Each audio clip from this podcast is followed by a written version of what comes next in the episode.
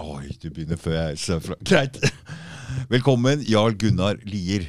Takk. Du, øh, I dag øh, Hva er det vi skal snakke om i dag? Du har funnet ut at rettssystemet vårt er helt øh, Er helt Helt bananas? Hva, hva, hva er det du ut? Ja, jeg, jeg kan vel ikke si at hele rettssystemet er helt bananas, men uh, innenfor visse fagområder i jussen så har det eh, blitt gjort en del eh, en del eh, feil valg eh, i tidligere som, eh, som har medført at eh, det har blitt færre, nei, flere feil valg som har balla på seg til å bli noe som jeg anser som kanskje den største rettssikkerhetsskandalen som noensinne har skjedd. Nav-skandalen, den er galen, men den er en marginal skandale i forhold, forholdsmessig stand i forhold til det som har skjedd i, i saker der eh, domstolen eh, behandler konkurser og, og andre typer bo. Men spesielt dette med konkurs er, eh, har, vært, eh, har vært gjenstand for en sånn slags eh, hva skal man si, umyndiggjøring av mennesker, der, der, der de ikke blir behandla med respekt og med de rettighetene som en hvilken som helst eh, annen eh, person ville blitt. Mm, det, det her nå, du, skal, um, du sier nå at uh, alle de 5000 åpne konkurssakene som er åpne her nå, eh, per dags dato, de er ugyldige. Og alle konkurssaker som har vært før det, er også i mange, mange år, er ugyldige. Ja, de er det. Og dette problemet som vi skal prøve å peke litt på nå, ehm, gjelder også andre rettssaker. Så ikke bare konkurssaker. Det, gjelder, det, det har et omfang med seg. for Først, først og fremst, eh, men, men la oss noen si at konkursen er et utgangspunkt for veldig, veldig, altså utspringet til veldig mange andre Mm. ting som kommer som en konsekvens av konkursen. Ok. Og, og det er annet at eh, Du har sikkert hørt om konkurskarantene. Ja. Ja, Det er noe som da du får hvis at eh, domstolen mener at du er en såkalt konkursrytter, som de kaller det. Det er klart, sånne ting må de ha inn. Ja, Så passe på. Ja, Mm. og, og, men så er det nå sånn en gang da at det er eh, ugyldige konkurskarantener. Og du har gjerne òg hørt at det er en del som havner i fengsel, gjerne med mm. fotlenke, da, vel å merke. Men Ja. um, alt det òg er ugyldig, for det kommer i utspringet. fordi når en konkurs åpnes, Mhm. Så, så er det da altså en tingrett som sier en dom, eller de kaller det da en kjennelse Mm. eh, som da sier at nå har vi åpna konkurs. Og i det samme øyeblikket den tingretten åpner denne konkursen da, Ja. så blir de som da er slått konkurs, om det er en bedrift, om det er en stor bedrift, en liten bedrift, eller bare en enmannsbedrift, Ja. eller til og med privatpersoner. Jeg skal komme tilbake til med privatpersoner, Ja. for en egen kategori. Ja, for Men- da men- prater vi sånne som får sånn betalings... Uh, Ja, nei, ikke helt. Altså, du kan si eh, privatpersoner har et enkeltpersonforetak. Da har de et okay. organisasjonsnummer. mm. Så, uh, men, men oss, hvis vi begynner nå Ja. det, det er virkelig gale, det med privatpersonene. Mm. Men det, det, det fortjener en, en egen Det vi. Det tar vi etterpå. For det, det er noe universelt som gjelder for både små bedrifter, store bedrifter, og for privatpersonene som blir Mm. slått konkurs. Mm. Og det er fellesnevneren der, det er at da denne tingretten, som da Det kalles at det da er en skifterett i konkurs. De, de påtar seg en rolle som såkalt skifterett i konkurs. Det er òg skifterett i dødsbo, skifterett i andre sammenhenger. Altså i form av skilsmisseoppgjør og alt mulig sånn òg. Skifte betyr egentlig skifte av eier. Eierskap? ja, det har du sikkert helt rett i. Det har jeg faktisk ikke reflektert over sjøl, men det er sikkert det som Ja. er opphavet, ja. Ja, fordi Det- du tar ja, Ja, mister noe skifter noe. du Skifter noe. Ja, stemmer det. Mm. Men, men i alle tilfeller, når, når denne her avgjørelsen blir tatt, så er det en del sånne såkalte rettskrav som tingretten eh, er nødt til å gjennomføre, som de ikke har gjennomført. Og det er blant annet Altså, det, det, det, er, det er visse regler eh, for behandling av alle saker. Klart det. Mm. Alle saker, uavhengig av det. Mm. Om det er straffesak, eller om det er to naboer som krangler for at de kaster en hund over en hekk, eller hva det måtte være for noe, så er det likebehandlingen her. Og det er rammen Det er de reglene domstolen skal behandle alle parter i en rettssak med. Altså, de skal vite, de skal, de skal ha forutsetning for å kunne vite og ivareta sine egne interesser. Alle. Og da er du nødvendigvis nødt til å ha lik behandling for alle, ellers så blir det jo vilkårlig. Mm. Og det, det er ikke bra. Nei. Og det som da en av disse reglene sier, det er at I domstolloven heter dette. Domstolloven, det er du, Alle har hørt om Grunnloven, sant? Og Ja. der er det jo de helt fundamentale, altså de helt eh, ja, Menneskeretter. ja, alle, alle, altså Ah. de, de grunnleggende rettighetene som vi som et samfunn i Norge har. Ja. Rett under der så har du denne her domstolloven. Det er den som inneholder de reglene som domstolen skal behandle partene eh, i en sak ved, ved tingretten eller domstolen generelt, til og med Høyesterett. Den domstolloven der, den har eh, har via veldig stor, stor plass til dette så har vi det som heter forsyning å gjøre. mm. Og forsyning, det er Hvis du tenker deg da at eh, når du eh, blir forsynt noe, Ja. så, så, så, så får du jo offisielt vite en, en utfallet av en dom, f.eks. Mm. Og så står det oppi denne forsyningen her eh, hva, hva rettsmidler du kan bruke. Rettsmidler, da er det, da er det snakk om ha, Kan du anke? Og så står det en veiledning og litt sånn forskjellig om, om hvordan du skal gjøre det. Så Men, men, det, det, ja. ja, men det, det er bare den ene delen av betydningen. Altså, Den ene er den formelle, at du faktisk har fått den. Ja, for det, dette gjelder før du skal i en nei, rettssak også? Ja, men, det ja, er ja, altså, må få en før- jo, forkynnelse der òg? ja, før, hvis du, altså, før du blir eh, før du, før du I konkurs er det sånn at da skal du bli innkalt til et rettsmøte. Ja, du må jo få en forkynnelse. Ja, du da, må du, da, ja, da, må du, da blir du innkalt til et rettsmøte. Ja. Og, og da må du få en forkynnelse for at du faktisk skal offisielt bli innkalt. Det er helt ja, riktig. Helt riktig. Helt riktig. Men det, det, ikke, det, det kan godt være det skjer feil der òg, det vet jeg ingenting om. Nei, nei, men, Men- der er men- også en forkynnelse. Så, Ja, det er helt riktig. Ja, Ja. Men når en, en kjennelse da er avsagt, ja, så skal partene få tilsendt denne etter spesielle regler, som domstolloven sier. mm. Formålet Unnskyld. Er å gjøre dette offisielt. Det skal gjøre det offisielt. Men så kan du si òg at reglene i, i, eh, på dette her med forsyning. Mm. Det handler ikke bare om at du skal kunne få se papirene dine, eh, eller dommen, eller sånn at du blir offisielt kjent med det. Det er, ikke, det, det, det er en mindre del, for den kunne du jo bare fått i hånden. sant? Mm, Eller, mm, sant? mm, mm. Du, du, du får jo tak i det uansett. Mm. Men domstolloven inneholder klare regler fordi den skal påse og kontrollere dommere at de faktisk gjør den jobben de skal. Ok. Fordi hvis ikke de klarer å gjøre noe så enkelt som å forkynne riktig, så er det gode sjanser for at òg behandlingen har vært feil. Skjønner du? Så, så det er egentlig kontrollmekanismene i lovverket. Så når da en, når da en kjennelse, som det da heter Men hvem er det som egentlig skal gå gjennom en sånn forkynnelse og se at dette er Det er Domstolen, bare dommeren. protokollføring Nei, av det- ja, det er dommeren som har ansvaret for saksstyringen Ja. i, i domstolen. Det vil si det er dommeren sin hva skal jeg si, et latinsk ord, for det er det som brukes i hele verden. For, Ja, ja, sånn alle, for, det er et latinsk ord som heter eh, Det er to ord. da, Ex officio. Ja. Og det betyr en del av tjenesten. Og Derfor så kan du si at når da det, Disse her reglene om likebehandling, det er domstolens og den enkelte dommers plikt å overvåke at alt er på plass.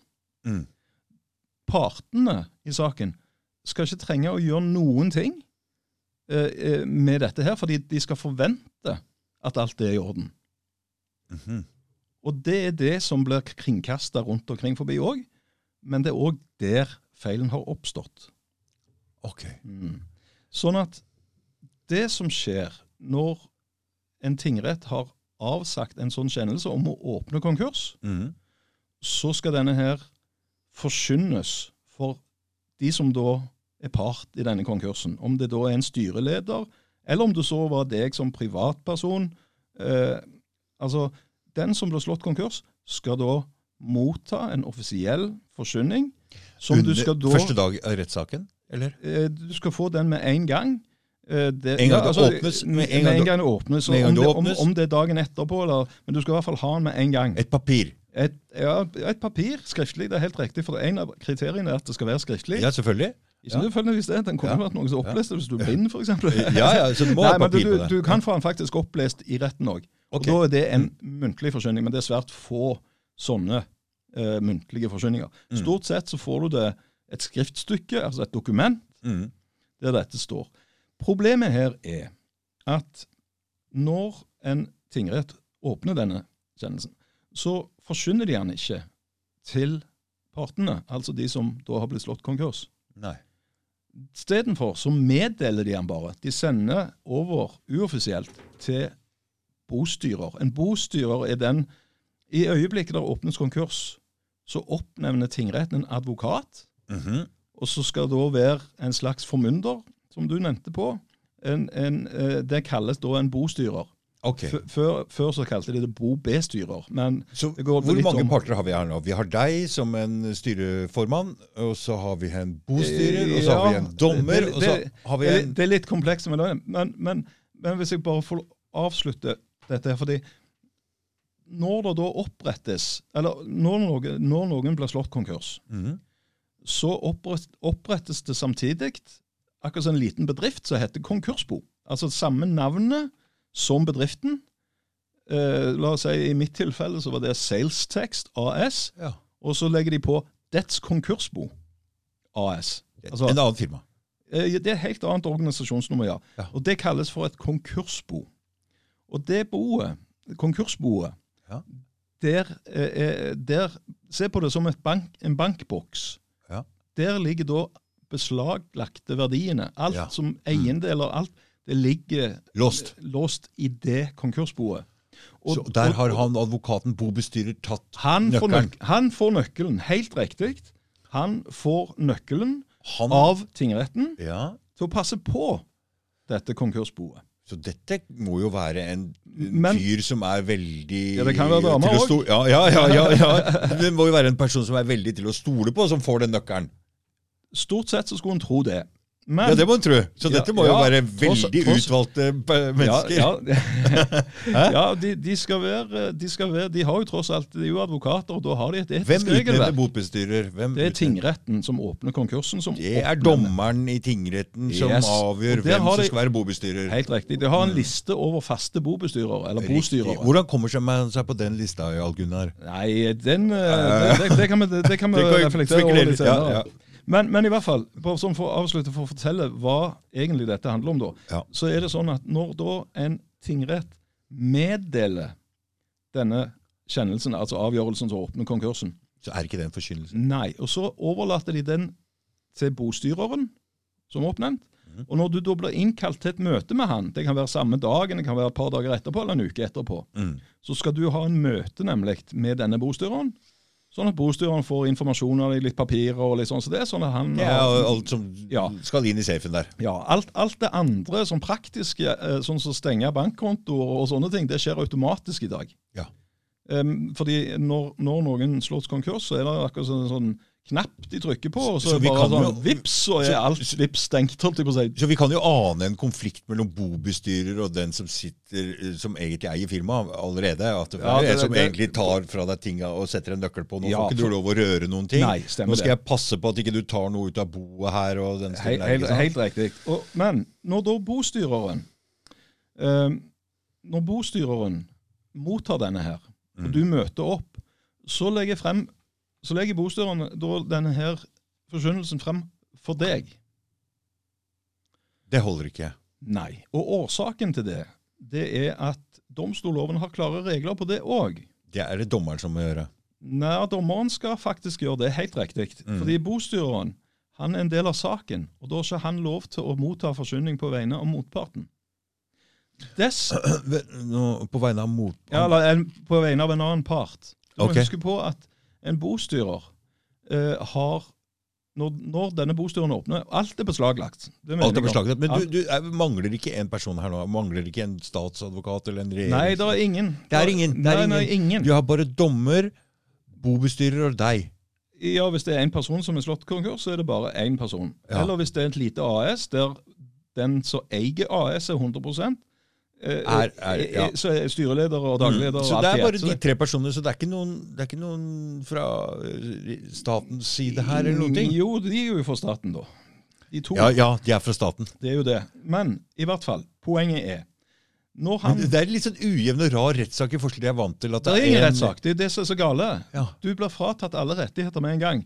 Men poenget her er, når han da har blitt levert denne Skriv under her, Ja. sier han. Eh, og du aner Gi jo meg nøkkelen, sier han. Nei, nøkkelen har du fått. Nøkkelen har han allerede, den, for Ja, alt er jo ja, beslaget. Ja. Problemet her er at eh, dette, dette, dette er dommen. Sant? Åpningen. Kjennelsen som åpner. Den skal du skrive under på, sier han. Ja. Problemet er at du kan ikke skrive under på den. For det første så kan ikke han uansett levere den til deg, for han, har ikke, han er jo en del av saken. Og da har du ikke lov til å motta forsyning på vegne av en annen part. Nei. Men i tillegg så er det sånn da at denne forsyningen, den kan ikke du som skyldner skrive under på.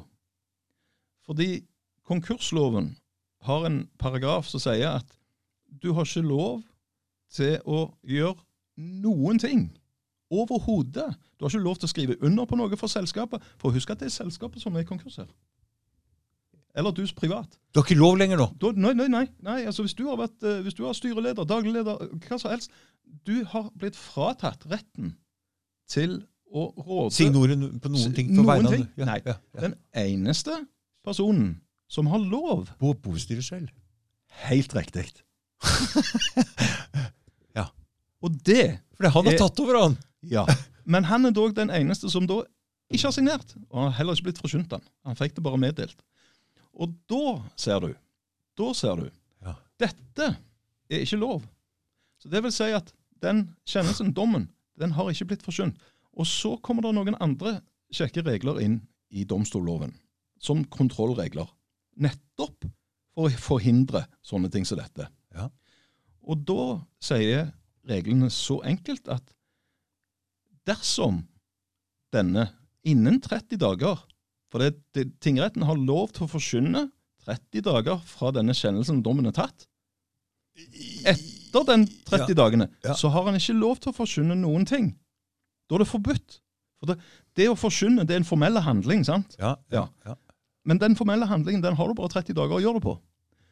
Derimot Du, så, så en sånn konkursåpning, det er egentlig en dom allerede? Ja, ja det er jo det det, det Det, det, det, det er fratatt, så det må, jo skje ved dom. Ja, men, så det er allerede men- Så da skjønner jeg at det må forkynnes, ja. ja, men når du da ikke har forkynt denne, Nei. så sier, så så, innen de 30 dagene Ja. Men så sier òg domstolloven 147, den kan alle egentlig huske, fordi den sier dersom du ikke har blitt forsynt denne kjennelsen, Ja. så har aldri ankefristen, altså den perioden du har lov til å levere en anke, sånn at ankedomstolen, altså lagmannsretten Har du den oppe, eller Chris? Den derre 147? Nei, jeg Lovdata. tror- nei, jeg tror ikke vi kom inn på den. Men, men det kan vi ta etterpå. Men, Ja, det kan vi ta men, men etterpå. den sier Så hva sier den? som sjøl Altså, um, dersom Uh, Ja, ordrett kan jeg den ikke akkurat nå, men, Nei, nei, men nei, vi kan komme tilbake til den. Ja. Poenget er i hvert fall at den sier at dersom en kjennelse, uh, kjennelse ikke har blitt forsynt, så skulle vært forsynt, Ja. så starter aldri ankefristen. Nei. Og det er den perioden på en måned du har etter konkursloven paragraf 153 første ledd. Ja. er jeg litt teknisk, men den sier at du har en måned å anke på, altså levere en anke. Mm. Den, den er akkurat lik eh, det, det, sånn som vanlige tvister er. Så det er bare, den, han sier egentlig akkurat det samme som det, det som tvisteloven sier. Det er den som vanlige saker, eh, tvistesaker og sånn. Det er saker der du krangler med naboene og hva det måtte Ja. være. Den, den, eh, den heter 295, den loven der. Men, men den sier 30 dager, altså én måned, har du på deg til å levere inn. Men du har ikke lov til å levere inn før du har blitt formelt forsynt dette, sånn som domstolloven krever at du må gjøre. Mm. Og dersom det ikke har skjedd, så har aldri ankefristen starta. Og, og det betyr at du ikke har lov til å anke. Det var mitt poeng. Ja, og det skjønner jeg. Så når du møter i retten her nå første dagen i konkursgreiene, Det er en dommer der, det er en bobestyrer der, og Nei, bobestyreren har ikke kommet der ennå. han har ikke kommet ennå. Nei, han kommer ikke før etterpå. Ok, så det er bare deg og en dommer. Mm. Og eventuelt den som begjærte konkursen. Ja, han, han, ja her har vi han på andre siden. Ja, Ja. eh, Du kan, kan egentlig bare si skatteetaten. Det var ikke det i mine tilfeller. Nei, men det kan være hva som helst. Det ja, kan det kan være en helst, lønning. men, men vi snakker jo 90% skatteetat her. Ja, ja. Som slår deg så han, han kan eventuelt sitte her og si at det er jeg som ville ha de penga. Han sier det, og så skal dommeren forkynne en greie for deg. Ja, så skal Men du har jo anke på den, for det kan være feil, dette her. Ja, det kan det. For det dommeren utviser jo Men du får ikke noe. Du får ikke lov å anke. Det er ikke noe anking. Nei. Jo, det har vært anking. Skal være anking. Ja, men Men siden de ikke forkynner det, så, så har du ikke noe mulighet til å anke. Jo, du har fått lov, for de har egentlig Og det er det som er det gale oppi dette her. Fordi de har tatt imot, de har krevd rettsgebyr på 7000 kroner For anker. for anker. Så det ikke går an å behandle. Helt riktig. Fordi du har ikke blitt forkynt det, og det er ikke lov å anke. Nei. Og etter 30 dager Så hele greia er helt feil her. Etter 30 dager så sier domstolloven 152 første ledd at dersom en sånn en handling har passert de 30 dagene, Og du ikke fått så har, du, så, så har du ikke lov til å utføre forkynningen etterpå. og dermed og da- så er hele rettssaken ulovlig. Helt riktig. For den er da en nullitet. Fordi eh, domstolloven 152, eh, nummer to der, andre ledd, Ja. den sier at det, dersom, eh, eh, dersom dette har skjedd, da, Ja.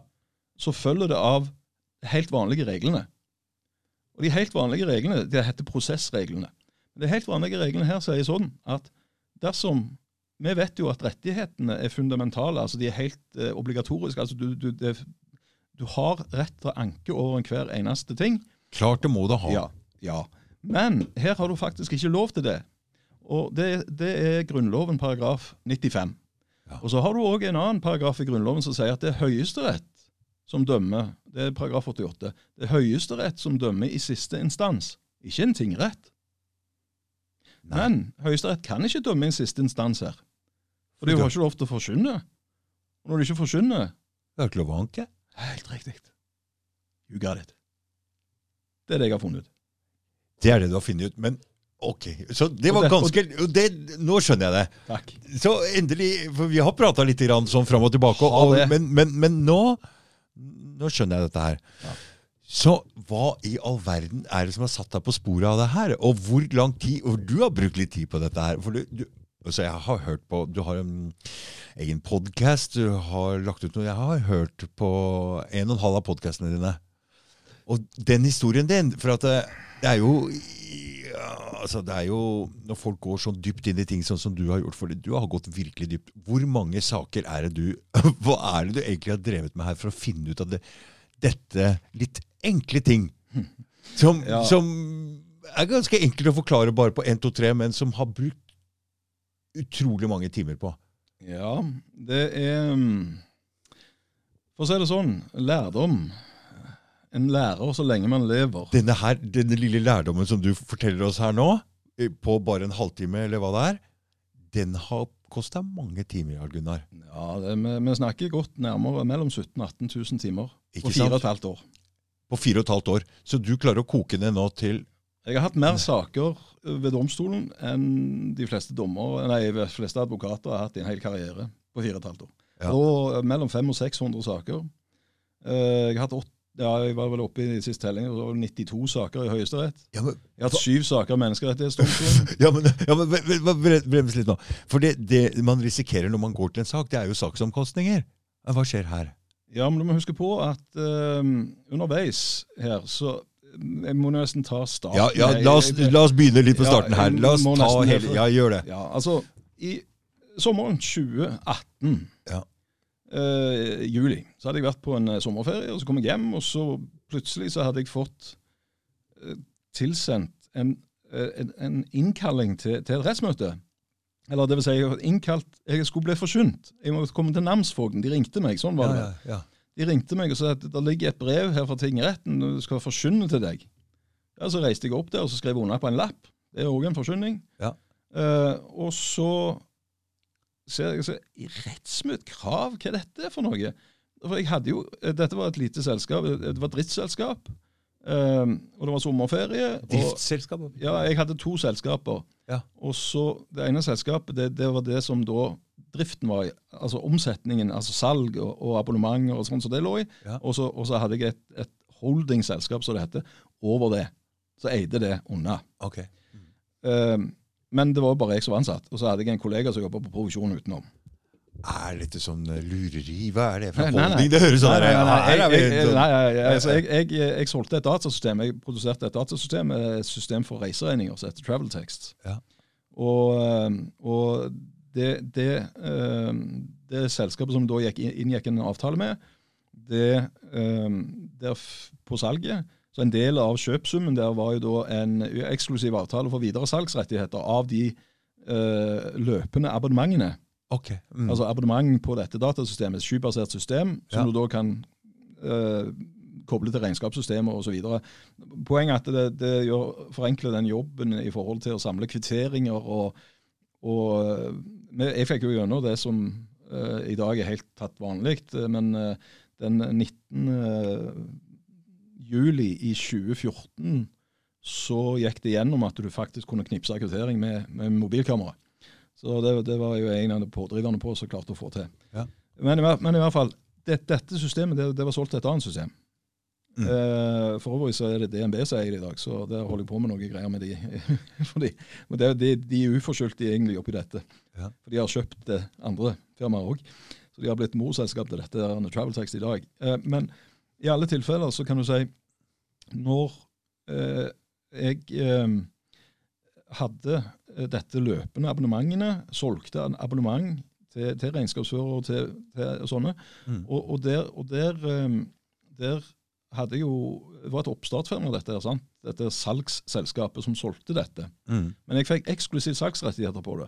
Mm. Pluss at jeg hadde også løpende abonnement her. Det var På dette tidspunktet i juli i 2018 så var det over to-tre millioner i årlige Ja, også, og så- gjentakende inntekter uten at du hadde trengt å gjøre noe altså jobb for Nei, altså, se at kundene dine er jo regnskapsførere, så her burde du ikke være noe tull i regnskapet. Nei, og det, det var det ikke heller.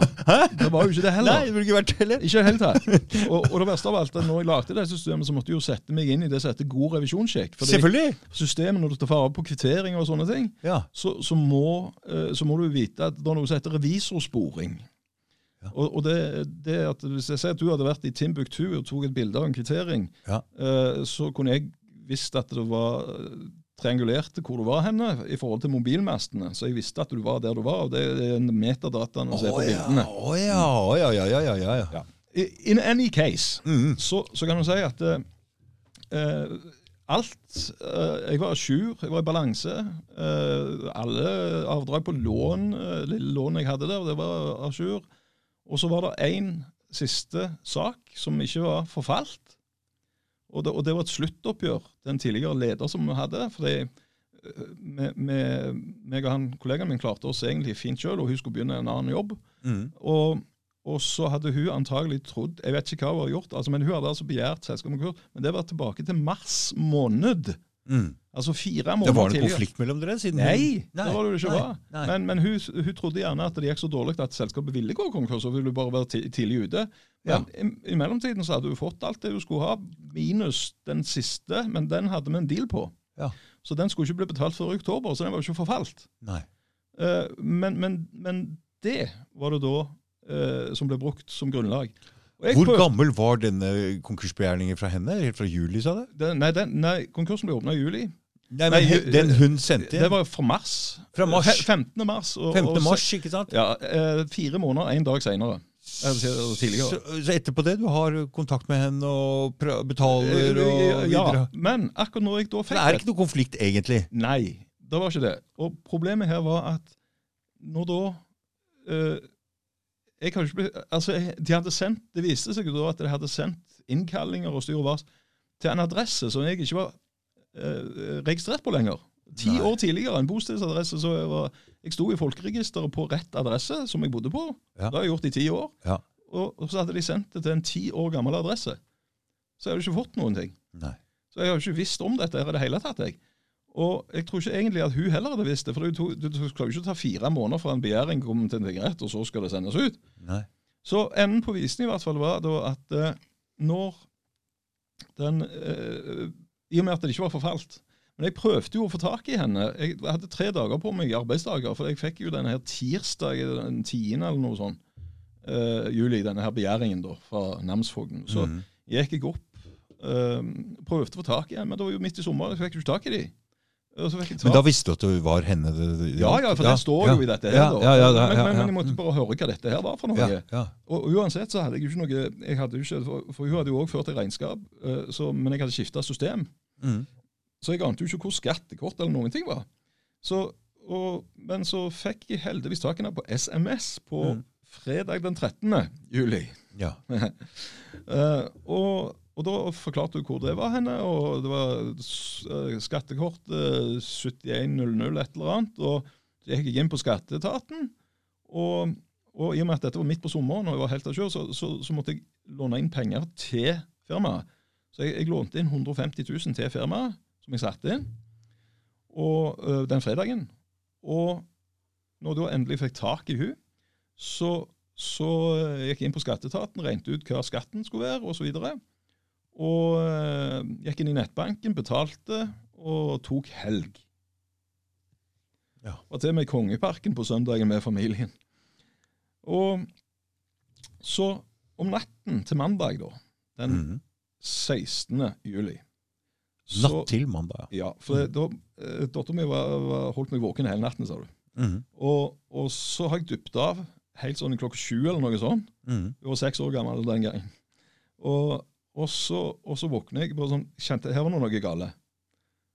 Du Jeg kom fikk våkne en sånn ugg- uggen følelse. Ja, du kjente at det var noe gærent? Ja, ja, ja. Så, så så jeg plukket, Shit! Og så tenkte jeg, men OK. Jeg tror jeg var nede. Jeg hadde ikke kledd på meg engang. Jeg sprang ut i bilen. Mm. Og så, klar, og så heiv jeg meg på telefonen.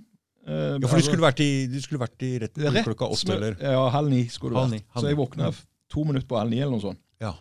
Og jeg, jeg, jeg prøvde jo febrilsk å få tak i de. Ringte, ringte, ringte. To ganger. De tok han først eh, 08.39. Tok de telefonen. Ni over. Ni og halv. Mm. Da hadde jo altså det rettsmøtet blitt starta. Men de hadde jo selvfølgelig da ikke rukket å avsagt en sånn kjennelse ennå. Nei. Nei. Men eh, jeg ringer og sier hei, hei, jeg er på vei. Uh, Dattera mi holdt meg våken hele natten. Bla, bla, bla. Hvem er det som sitter der nede? Bare dommeren nå? Nei, nei altså, da, da, da ringer jeg til sentralbordet. De har en sånn resepsjon. Ja. Mm. Og, og jeg får snakke med denne her. Jeg tror jeg snakket med et par stykker. og Hun siste gikk da inn til dommeren. Eh, Jeg har jo logg fra Telenor på dette her. Mm. Det varte i seks minutter, denne samtalen, så jeg har ikke så mye å si til dem. ja. Mm. Så jeg satt og venta og venta, og kom tilbake, og hun bekreftet at dommeren var informert om at jeg var på vei. Jeg var ca. 15 minutter unna på det tidspunktet. En halv time å kjøre cirka, Mm. fra der jeg bor, til den tingretten. Er det Stavanger?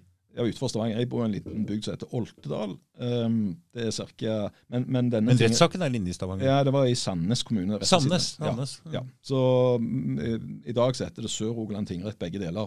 Altså, Ja. Sandnes rettersted er det vel. Men poenget var at det som Når jeg da hadde fått hun bekrefta at dommeren var informert, og det var før kjennelsen var avsagt, og da, og da eh, trodde jo jeg at alt var ordna. Og så kom jeg fram på slaget ni. Jeg sto i resepsjonen, hvorpå jeg fikk en gul lapp av hun som sto der og sa åpna konkurs, du må gå og besøke en bostyrer klokken 11 i dag. Jeg skjønte ingenting. Hæ? Ja, der er åpna konkurs, du må gå og besøke bostyreren. Jesus, tenkte jeg. Og dommer, Det betyr at du er slått konkurs? Eller? ja, Firmaet var slått konkurs. Mm.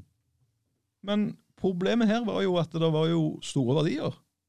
Og for å bli slått konkurs, så må du være det som heter insolvent.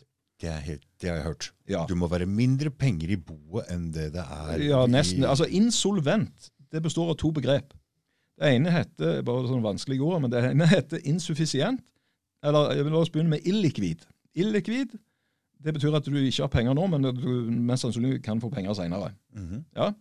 Da er du ikke insolvent. Nei, Og så er det et som heter insuffisient. det er ikke nok.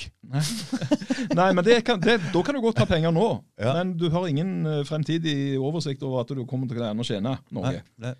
Eh, men i alle tilfeller så skal begge de to være til stede før du kan være insolvent. Og insolvent er kravet for å slå noen konkurs. I dette tilfellet så var jeg verken Kravet var betalt, Og selskapet hadde ingen andre gjeldsposter eller noen ting som var forfalt. Ingenting. Alt var a jour. Og det som da skjedde, som jeg fikk vite litt senere, da, Kan jeg bare spørre Ja. noe om eh, bare For jeg, jeg er jo veldig konspiratorisk i tenkinga mi, så jeg tenker Hvem Er det noen som stjal det? Var det noen som stjal det der? stjal av meg. Stjal firmaet ditt? Eh, ja, det Ideen din ja, tankene ja, ja, ja, dine og pengene dine og sånn? Men det, ja, la oss komme tilbake til det. Ja, det for det- fordi det- ja, ja, men- men det- Liten by, uh, disse her, her handler det om båtstyreren sin, uh, sin uh, handlinger. Ja. Eh, Men dommeren også, dette er jo allerede ja, fra dommeren. Ja, dom, dommeren som både utvelger, bostyrer og slår deg konkurs. ja, og på en hun, måte hun, som- Hun dreit seg jo godt ut, for å si det sånn. fordi eh, det, det, det hun gjorde der, det, det er hun dommeren som åpna denne konkursen, Ingrid Håverstein Håvik, Ja. Mm. eh, det er bare noe du ikke gjør. Uansett. Nei, og, og, og for, for øvrig så sier konkursloven paragraf 77 at, nei, 71 at hvis, hvis at du får sånn informasjon, så er de pliktige til å vente. Ja, og ja, ja, det er noe annet. Så, så, hvis de ikke har et motiv, og det er noen som sitter og sikler på noe Jeg du har ingen her jeg, jeg har aldri det, Hvorfor jeg- skulle de gjøre det? Hvorfor? Nei, og, og jeg har ikke hatt noe med de. Jeg kjenner de ikke. Jeg har aldri hatt uh, noen ting med de å gjøre. Nei, men det kan være noen som sikler på et eller annet her. Ja, nei, jeg, ja, men jeg, jeg, jeg skjønner ikke hvordan de skulle klart å fått dette til. Nei. Uansett. Jeg, Nei, jeg nei, tror rett og slett det var bostyreren sin griskhet. Fordi ja men det her er jo dommer allerede. Oh, ja. Ja, men det er bostyreren som egentlig stort sett bestemmer det meste. For det er jo han som som sender inn opplysningene til dommeren. Ja, Ja, altså, og mm. det som da skjedde den senere den dagen der, Ja. det er vel noe som aldri eh, noensinne har, i hvert fall ikke jeg har hørt om har skjedd før. Men altså, han bostyreren han krevde da at hun som da hadde fått utbetalt det hun skulle ha, et sånn sluttoppgjør, som ikke forfalt egentlig før i oktober, men jeg betalte det jo fredag den 13. Hun måtte da Det falt ikke, befal, forfalt ikke før i oktober, men Nei. du hadde allerede betalt inn og ja, hadde ja, kvittering jo, på det. jo, ja, for jeg gjorde jo det. Jeg satte jo inn 150 000 på kontoen den fredagen 13. Og da skjønner jeg at du nå- reagerer på at du ikke får anke her, for det er jo Ja, helt feil. Jo, så, så gikk jeg inn. Og så gikk jeg inn, og så overførte jeg eh, 85 tilbake igjen. For det var 65 du skulle ha. Ja. eh, av de 150. Ja. Jeg visste, jeg, fordi jeg hadde jo òg i denne her eh, innkallingen så sto det jo en helt absurd sum som ikke stemte med noen virkelighet. Til, til henne? Eh, Ja, altså, Husk at begjæringen var jo ganske gammel da. Ja, ja, ja. ja, ja. Du, Men, og da sto, da det står fra mars, den. Ja, Og du hadde allerede betalt inn noen ja, ja, ja, ja, ja. Så jeg var jo sjur på det. Men poenget at eh, poenget her er at eh, når da Det er rart ikke hun kommer i rett Hun skulle vært der, vet du. Jo, hun var der, men jeg var der jo ikke. Ah, hun var der! Ja, men jeg var der jo ikke. Så jeg skjønner jo ikke hva de har holdt på å snakke om. Men, men anyway, in any case. Når bostyreren cirka, For jeg møtte jo bostyreren klokka 11 Ja. og forklarte han situasjonen. Han hørtes jo fornuftig ut, han, og tenkte ja, godt å løse seg dette. her. Det er jo helt absurd, dette her greiene. Ja. Men det han gjorde istedenfor, det var, det var rett og slett å forlange at hun som da hadde fått disse pengene, som ikke var forfalt, måtte betale de inn Til boet. ja, konkursboet. Samme dagen. Samme dagen. To, to tre, fire timer etterpå jeg hadde møte med han. Um, og så brukte de det som grunnlag på å fortsette konkursen. Yes. Så, så Og- de og- pengene du betalte nå sist, de, de må Ja. betales tilbake igjen til bo, og så Ja, bruker og, og så vidt det òg, da, at han, han politianmeldte meg for å ha stjålet 85 000 kroner. Ja, For det var 150 000 i bo som du hadde lånt inn i bo rett før. Og, I, i, til firmaet mitt. ja, til firmaet ditt. Ja, ja, ja. Inn ja til firmaet ditt. og så tok jeg ut 85. For det var det som var differansen. Ja. Det var penger du hadde lånt lånt. det, og det mente han da at eh, jeg da hadde eh, unndratt. Ja. Uh, ja, Unndratt går, ja, Mm. men det går jo ikke an. Uh, in any case. Og, og folk er jo så redde for, for, for disse domstolene og alt dette. her. Jeg har fullstendig radert de vekk i forhold til dette her som har med dette, sånne, sånne simple greier som dette her å gjøre. Det er så strengt ulovlig. Det som bostyren gjorde etterpå, det er strafferettslig. Han, ja det er jo dette òg, faktisk, for du har ikke lov til å kreve inn lønn fra noen Så folk Eh, er redd for politi, men folk er enda mer redd for domstoler og sånt. Ja, ja, ja. Eh, men Problemet her er at det er jo ingen kontroll, og det er jo det som er problemet her. Så Nå skjønner du hvorfor det er viktig med en revisjon av bostyrere. Ja. Jeg kommer tilbake til det òg, men, men her har altså denne bostyreren Den har altså rett og slett eh, krevd eh, Du har jo husk, hør, gjerne hørt om lønnsgarantifondet sant, tidligere. Ja. ja. Nav lønnsgaranti heter de der. Ja. Så det han da gjorde, eh, det, det lærte jeg om eh, et par-tre uker etterpå. Det han da gjorde rett etterpå, det var altså å kreve at Nav lønnsgaranti skulle betale de samme 65 000 direkte til hun, men uten å si at pengene allerede sto på kontoen hans. Mm. OK? Mm.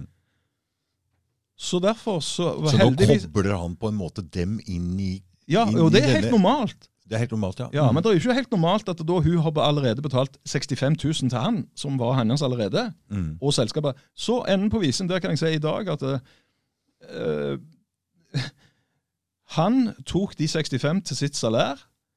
De 65 de, de kom aldri ut fra hans konto igjen. Nei. Han tok de inn på sin. Og i tillegg så kan jeg også si da at hun som da begjærte denne konkursen, har aldri fått penger fordi Nav lønnsgaranti nekter å betale ut fordi det allerede var betalt ut. Altså det kravet Det, som men det betyr, når Nav Ja, sier for- det, betyr de at det bekrefter din greie her, at det er, skulle Ja. aldri vært åpna konkurs? Ja, ja, det er helt greit. Og det er mange ting her som bekrefter det. F.eks. at uh, kravet var betalt. Mm. Ja, ja, for eksempel. Ja. Du kan, du kan Ja. ikke åpne konkurs. Men de har gjort det og aldri behandla det etterpå. I noen av de over 500-600 sakene jeg har hatt. Jeg har ikke tatt stilling til det engang. Men det som er saken, da, det er at når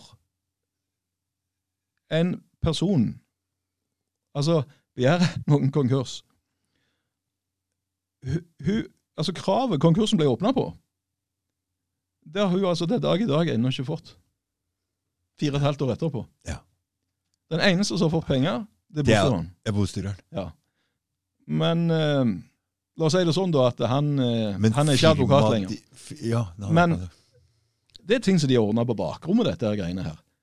I mine saker Men hva, hva, alle- hvor er firmaet firma, ditt øh, Ja, altså Firmaet firma eksisterer i beste velgående, det. For, eh, fordi jeg har fusjonert det inn. Så du klarte å beholde firmaet ditt på en eller annen måte? etter, etter lovverket så har jeg gjort det. Men, men etter aksjonærregisteret i skatteetaten så står alt riktig, og er godkjent fusjon. Ja. Både, både det ene og det andre. Men, men Brønnøysundregistrene derimot, de, de sletta jo bare dette selskapet, de. Og så har de nekta å legge det tilbake igjen. Men nå skjønner jo jeg òg hvorfor. Og dette har jo direkte konsekvens, eller leda ut Altså direkte utspring ifra at det forklarer hvorfor tingrettene ikke har uh, utført de oppgavene de skal, når de da er denne her såkalt skifterett i konkurs. For konkursen må du huske på, de har visst at den var ugyldige. For de har ikke forskjønt. Men istedenfor å reparere de feilene som de da mest sannsynlig en eller annen gang har tatt inn av bekvemmelighetsårsaker, så har det gjort det om til en fast praksis. De aller fleste dommere har nok ikke hatt peiling på at det de har holdt på med, har vært feil. Sånn skal sies. Men det har vært nok av dommere som òg har visst det. Men, men jeg tror nok at majoriteten rett og slett bare har utført oppgavene fordi det har vært hugga i stein, og det står på skjermen, og det har alltid virka, for ingen har jo Men gudene vite, hallo. Altså, det er jo helt umulig å få overprøvd det, for du har jo ikke lov til å anke. Mm. Så det er jo ikke rart at den praksisen der ikke har blitt oppdaget før. Hvor, lenge, hvor lenge har den praksisen vært sånn? Vi snakker, jeg kan, jeg kan med sikkerhet si det har vært i 25 år. 25 år, ja. Mest sannsynlig 35. Mest sannsynlig Når var det? 19 I hele landet. I hele landet, ja. Ja, for du sa, I stad Ja, trodde jeg- du at dette må ha vært en feil. Ja, for det var så absurd. For det alle, alle, all faglitteratur Altså, jeg, jeg sugde jo til meg all informasjon av fagkunnskap osv. Ja. Uh, jeg, nå har jeg jo gjort et par år på jusstudiene, bare rett og slett for, for, sånn, for den formelle uh, delen av det, uh, i forhold til å for den formelle kompetansen. Altså, den, altså, Jeg kan jo disse her tingene, for jeg kan jo lese. jeg kan, uh, altså, Vi mennesker er jo ikke idioter eh, når det Mm. står en lovhjemmel og det står en forarbeid, så vil jo alle kunne ta til seg den informasjonen. Selv om gjerne dommere og jurister eh, generelt, gjerne, og advokater spesielt, eh, latterliggjør egentlig de som da er sjøl prosederende. Du, Men, men hvem i pokker kan klare å betale hvis, hvis, Hvor mye måtte jeg ha gått ut med? Og, og, er du gæren? Du altså 17 000 timer i advokatkostnader? Men du, Jarl Gunnar, kan man være selvprosederende? For nå, nå, det en, Selvprosederende. Altså, du er din egen advokat. Klart du kan det. Ja, men nå ble hun venninna mi hun ble pressa Hun er fra Liser og ville ta den saken sjøl. Hun ble pressa på advokat!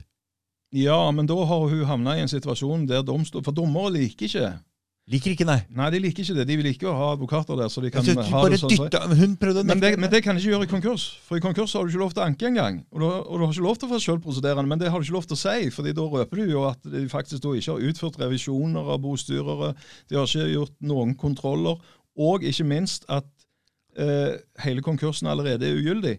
Og det er jo derfor de heller ikke forsyner den avsluttende kjennelsen i konkurs. Mm. Så, og, men den betyr jo egentlig ingenting når åpningen er ugyldig. Mm. Og den, jeg har visst nå i over et år at avslutningen er konkurs er ugyldig. Og da vil jo òg konkursen være ugyldig. Men det som jeg fant ut nå i september, og jeg var litt på Stortinget, og snakket med advokater og litt sånn diverse, og, og da fikk jeg egentlig Nå har jeg altså over, Ja, du, over 20 jurister nå har verifisert nøyaktig eh, de punktene som jeg har fremlagt for dem, som sier at dersom en kjennelse som åpner konkurs, ikke har blitt forsynt eller forsøkt forsynt korrekt innen rettsfestens utløp, altså som da er 30 dager, så er dette en såkalt nullitet. Uten rettsvirkning for partene. Altså en gyldig kjennelse uten rettsvirkning for partene. Og, det- og det betyr òg da at alt som er etterpå, er brudd på Grunnloven. Hele, hele kapittel E i Grunnloven. For det er, du vet, disse tvangskraft Altså, Det har jo ikke vært tvangsgrunnlag for noen ting. altså Når namsfogden altså De har jo ilagt Hvordan skal de ro dette i landet, egentlig? For det, nå, nå skjelver de jo i buksene i hele rettssystemet. Nå har vi Baneheia-saken, vi har Birgitte Tengs-saken, vi har den gjenopptakelseskommisjonen, og vi har Dette er det største av alle. for det Ikke sant? Ja, men vi, De sitter og skjelver i buksene her, for det, nå måtte Riksadvokaten ut og si at de al politiet hadde aldri lov å drive og ransake folk. Uh, Jo, jo, altså, du hadde jo- du- du, altså, skjer, det skjer ting Jo, på hør. bakrommet her nå. Ja, De heiv jo folk i fengsel for å ikke betale bøter. Vi slutta med gjeldsfengsel i Norge Ja! for, for, i 1918. Og de sa nå 50 eller noe er det ikke lov lenger å sone for bøter heller. Og, og, Nei, men har det det noen gang vært, da? Nei! Nei. Men det står jo Alternativt så kan du velge å gå inn til soning. Ja, ja, men Men det er da det frivillig i så tilfelle. Det kan du sikkert få lov til. Men, men poenget er at de har ikke lov til å kalle deg inn til Nei, men, men det betyr at det nå som det skjer så mye Så nå, nå sitter de og prater litt på bakrommet der.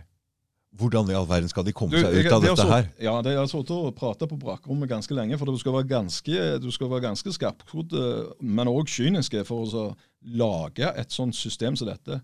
Ja, men Men- Hvis ikke men- alle har vært klar over det, jo mer som er altså, De må jo eh, Hvordan skal de komme seg Nei, altså det, det, jeg, jeg, har- dette, dette, dette har jeg senest avdekket denne uken her. eh, Men eh, og jeg har jo brukt et meto, en metode. Ja, La oss Ja. gå inn på for du, Ja. Når du sier 'jeg har hatt 3000' Hva, hva, er, det, hva er det betyr? Hva, hva er dette for noe? Ja, altså Jeg har hatt ganske mange Få høre på det rare, si det rare navnet, da. Udaloop. Ja. Udaloop. Odaloop. From Joint Boy, Colonel.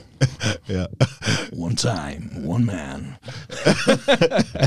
Nei, det var altså eh, Det er en metode. Ja. Det er en metode, en vitenskapelig metode, som faktisk heter Den vitenskapelige metode. Faktisk. Det heter det. Men Eh, navnet er rart. eh, ja, ja, det- dette er en avart av den. Ja. Loop. Ja. Det er en Så vi hører at det er altså, en loop. Ja, den vitenskapelige metoden, la oss ta den først. Mm. Det er at du gjennomfører blindtester og du gjør alle disse tingene. Og det gjør du mange ganger, og så finner du ut et eller annet svar. Drar du ut konklusjoner. Den går òg i sirkel. Ja. Det er en avart av denne her vitenskapelige metoden. Jaha. Den heter UDALUP. Står for uh, Observation, uh, Orient eh, Nei, ikke, Ja, nei, men nå- går du helt i ball for meg. her. Eh, det, ja, poenget er at det, det handler om å observere. Det handler om å sammenfatte. Det handler om å velge ut. Men valgte du denne metoden sjøl? Ja. Så du visste, ja, du visste om metoden? Ja, Så, så opplegget er å visste, masse men jeg har aldri brukt den før. Nei, Du brukt den visste om det, men opplegget her går ut på å samle masse opplysninger. Helt korrekt. Ikke sant? Masse opplysninger for å finne feil hos eh, Altså, Denne her er brukt mye av Forsvaret til Ja. og etterretning og sånne ting. eh, Over hele verden, egentlig. Eh, for- fordi det, det, det er samme metodikken de bruker, men, men de er òg i forretningslivet. Mm. Så Si at du er en liten gründerbedrift og så har lyst til å slå en gigantbedrift. Mm. Eh, og For å kunne slå den gigantbedriften, så må du skape litt kaos og litt eh, forvirring og redsel og sånn det hos den der. Og så Hvis du har et veldig bra produkt og lager litt blest om den, Mm. og så kjører du på, og så observerer du hva de foretar seg, og så kan du egentlig se på de som en sånn en eh, Altså Hvis det er en konkurrent altså Det, det er lagd for, for at du skal kunne vinne, selv om du er en underdog. Mm. Eh, De kan være så store som helst, det spiller ingen rolle. For store organisasjoner de trives best med, med De er treige. Og det, det er en av de. De, de er sykt treige, men de er òg treige på å endre. Altså De er treige på å reagere, men de er òg treige på å endre og tilpasse seg endringer. Ja. For folk liker Altså, de, det blir som en seig masse. Et, et, et, et tankskip fullt med råolje Mm. sant, som skal først stoppe. Altså Du bruker jo litt tid på det, og så bruker du ganske lang tid på å komme i gang igjen òg. Mm. Og, og, og litt sånn, kan du si. Eh, det som er fordelen med denne metodikken det Så du sender masse små sånne greier, og så får du et svar hele tiden, Ja, og så er det litt yes. forskjellig? er Og så, litt forskjellig, og så ser du likheter, og så ser du trender, og så ser du bruksmønster, altså hvis du kan si det sånn. ja. Du ser, du ser For det, det hvordan katal katalogiserer du svarene? Eh, Jo, det er veldig enkelt, for noe er jo, noe er jo tekst. Ja. Noe er en handling. Aha. Og noe er eh, altså, Og det å ikke gjøre noe, det er jo òg en handling. Det er jo ikke en, altså, en handling om å ikke gjøre noe. At du ikke får noe svar, mener du? Ja, Mm. Det er jo òg en av de eh, reaksjonsmønstrene. Altså det, Så det, hvor mange reaksjonsmønstre får du fra de andre? Uh, i, I løpet av Jeg må her sammenfatte, for jeg har sikkert sendt 5000, kanskje 7000 e-poster òg til disse dommerne. Rett og slett for å så irritere dem og få dem i gang. Eh, Få, få Får du svar? Ja, få, svar. Få, action. Få noe? Ja. ja det, det kan jeg si. Den er litt morsom, faktisk. Har jeg funnet ut at det, det som provoserer dommere mest, Ja.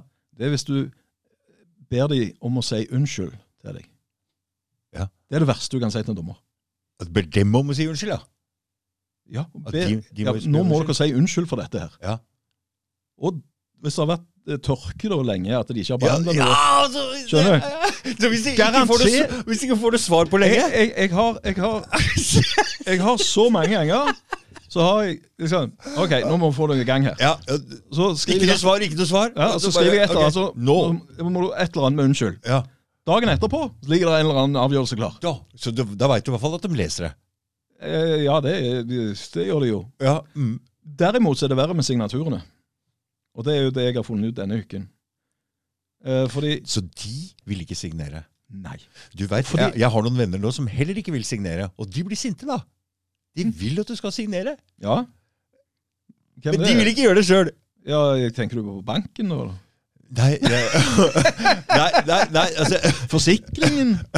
ja, det er, det er, jo, ja, det er noe, det er noe gjeld og noe ja, er, Hvis du skal gå inn på Ja, inkassogreier og Å ja, men der kan jeg hjelpe deg. ja, ja, ja. Jeg, jeg har, jeg har slutta å få sånne greier. Så jeg, jeg sender Hver gang jeg får et eller annet greie fra et kassoselskap, så bare sender de sånn, Det er en eller annen utredning på ja, kanskje ti sider. Ja. Så setter jeg alle domstollederne på kopi, og Ja. alle lagrettene på kopi, øh, og Høyesterett øh, på kopi. Da til denne her stakkars saksbehandleren.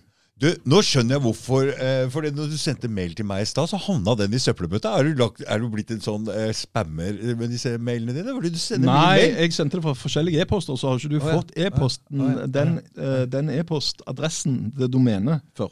For du driver og sender ut mye mail, det skjønner jeg. Ja, er bare til dommer og sånn eh, skatteetaten og sånne ting. Ja. Eh, Men det er jo på grunn av at eh, eh, det som er greia her eh, og Vi kan jo dra innom det òg, for jeg har jo vært innom ja, må jo si at jeg har hatt over 600-700 saker i forvaltningen òg, da.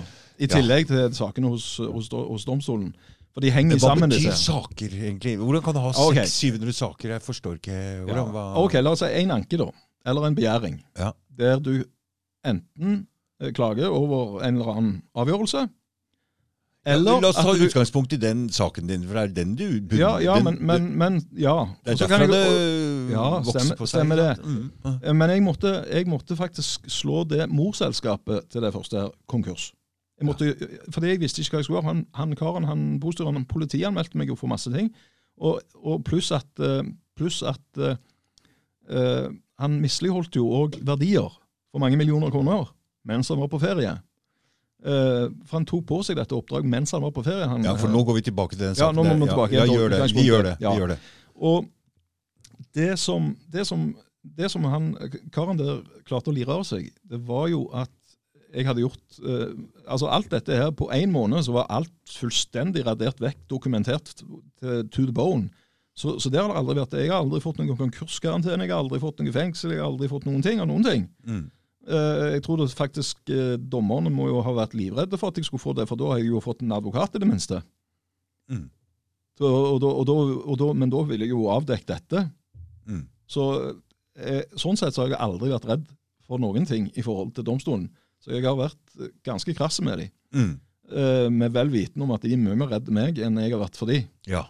Hva kan de gjøre noe mer med deg enn det de ja, de kan gjøre hva de vil. De sitter jo med all makt, og det er ingen som stopper dem. Men det er noen ting da som de ikke altså Blant annet rettsmøter, det liker de ikke. Nei. Nei, For der er det andre som sitter og lytter på. Så, så de liker helst å jobbe i det skjulte, da. Men Hva mener du med at i rettsmøtet sitter noen andre og hører på? Det er ikke noe vi, jo, men, jo, men I rettsmøter så, så, så er det jo muntlig. Ja. Eh, Jeg har, eh, Sånn som den første saken Ja. eh, Jeg jeg har ikke fått lov til å få noe muntlig der, jeg. Jeg har bare fått det skriftlig. ja, for du var jo ikke der. Jo, men altså, når du anker og alt dette her, så, og, har, og har begjært andre ting sant? Fordi du tross alt eiendelen. Jeg, jeg hadde jo liksom sulta alle mine verdier ned i det selskapet. Ja. Så derfor, for, for meg så var dette en perfekt storm, Ja. rett og slett, i livet. Mm. Men, men eh, bare tilbake igjen. Jeg, når han gjorde alle disse tingene, så hadde jo ikke jeg penger. Sant? Nei. Jeg ble jo De tok penger. ja, jo, alle, alle, alle inntaktene ble jo også fryst. sant? Altså, De ble Ja. blokkert. Mm. Eh, og, og, og dermed så satt jeg igjen med Jeg måtte prøve å tenke ut noe smart her. For den ene siden så satt han jo an Jeg kunne jo ikke angripe disse her eh, som da hadde sagt opp denne avtalen, eh, som, som var løpende. For det gjorde Nei. de jo. Det gjorde de jo, og det, for de utnytta situasjonen. Men- Ok, så, det, så du har en del avtaler med en del kunder. De utnytter situasjonen? Nei, ikke kundene. Nei. Eh, De som, jeg hadde, de som jeg hadde solgt dette aksjeselskapet til, for de så jo seg et snitt til å slippe å betale provisjon osv. Aha. Så det var Eh, for- noen ja, parter det- som var interessert? Ja, men, men det var ikke relatert til selve åpningen. Nei, nei, det veit jeg. Nei. Så, så, så etterpå, ja, helt klart. Det, det er noe som jeg holder på med nå. Uh, men, de det, men det er en annen story. Kunne de hatt motiver for å sette i gang hele prosessen? Det kan det ikke. Ja, men Det hadde, det hadde de ikke klart. Nei, Eh, eh, nei. um, og fordi det var så mange eh, forskjellige små så- faktorer Ja, ja, og jeg hadde jo tross alt kvittering. så det var tilfeldigheten eller Det- Gud eller hva som gjorde at du skulle gå inn i dette? Ja, det, det, det kan vel gjerne vi se på om når det da går igjennom nå. Ja. Eh, eller det vil jeg si, det er jo gått igjennom. Mm. For det jeg skulle si, denne ugyldigheten som oppstår, Mm. den skjer automatisk uten at domstolen trenger å stadfeste det. Og det er det som er den spesielle tingen. Det er noe så sjelden som en nullitet, som, altså en ugyldig kjennelse som oppstår uten at du trenger anke over det, for å få domstolen sin bekreftelse på det. Mm. Problemet er at domstolen sjøl har jobba iherdig med å skjule dette. Mm. Og de har holdt på med det i 25 år, og du kan tenke deg Ja, hva slags ikke hvor lenge det konsekven- Nei, det, Ja. Nå har de i hvert fall holdt på å skjule. Eh, For de har jo ikke behandlet noen av de påstandsgrunnlagene jeg har hatt. Ikke én eneste. Og der de har toucha det, der har de ikke skrevet under signaturen sin på kjennelsen. Ja, isolert over 100 saker der de har latt være å signere. Men de har pakketert den i sammen og sendt den som en forkynning, som om den skal være reell. Problemet her er at eh, I tvistloven paragraf 19-4 første ledd så sier at en kjennelse er avsagt når den siste dommeren skriver under. Og her er det ingen skrevet under. Eh, Det de derimot har gjort, det er at de har overlatt til eh, en kontormedarbeider som sitter på i administrasjonen der. Signere. Nei, der skal de I samsvar med undertegnet original. Det sier ingenting, og forresten så er han ikke gyldig uansett, fordi det er den som du blir forsynt, som skal være original. I samsvar med hva, hva, Undertegnet original. original. De skriver det, men originalsforhold Ja, men det er ikke dommeren som skriver det. Det er en, det er en, det er en saksbehandler i, i eh, administrasjonen. Men det har ingen betydning. Men du har ikke sett originalen som er eh, Nei, og det er den som skal forsynes. Du må jo se den. Selvfølgelig. Mhm. Men innsyn Så hun sier at hun har sett den på en måte, og bekrefter Ja, at hun men, har sett den? Men han den? eksisterer ikke. Den kan ikke eksistere. Nei. Fordi um, Så istedenfor å sende deg så det, det var det så sleipt greie. Så istedenfor å sende deg en Det- forkynning som er signert, så sender de et annet papir som sier at i samsvar med i, I samsvar med undertegnet original. Men Skriver er hun under på at hun må på en ja, måte ha men det er, ja, og, men det er ikke lov. Og så er det en liten unntaksregel i forskrift for uh, signatur i domstolen. Den egen, De har klart en egen sånn.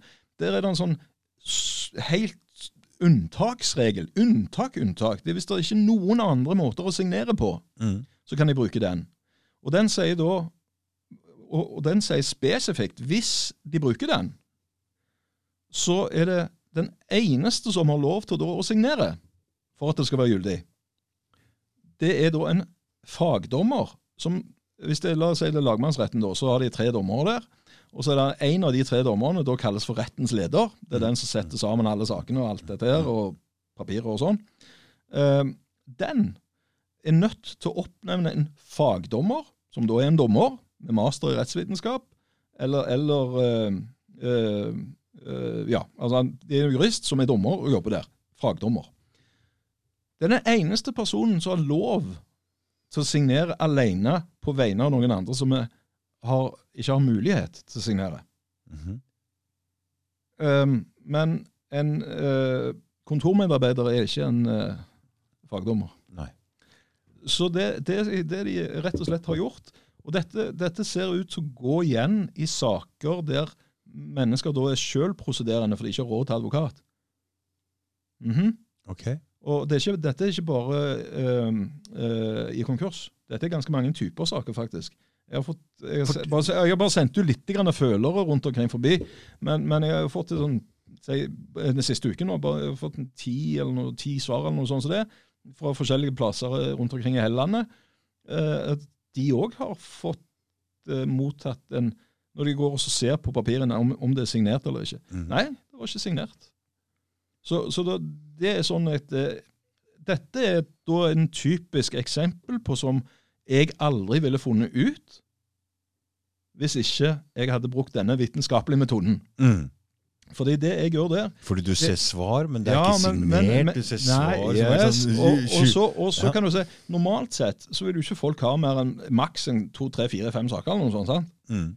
Ja, med forvaltningen så har jeg over 1100 saker. jeg. Og da, og da har du ganske god statistikk. Men hva er en sak, liksom? En sak det er en kjennelse. Altså en, en, en, en anke eller en begjæring mm. med et svar. Men hvordan kan du bare fortsette å anke i, i det uendelige på Er det ingen Nei, det er på grunn av at det er Jo, men altså, det, de har jo ikke behandla noe. Og hvis de ikke har behandla det, så må de jo få det behandla. Det sier seg jo sjøl, det.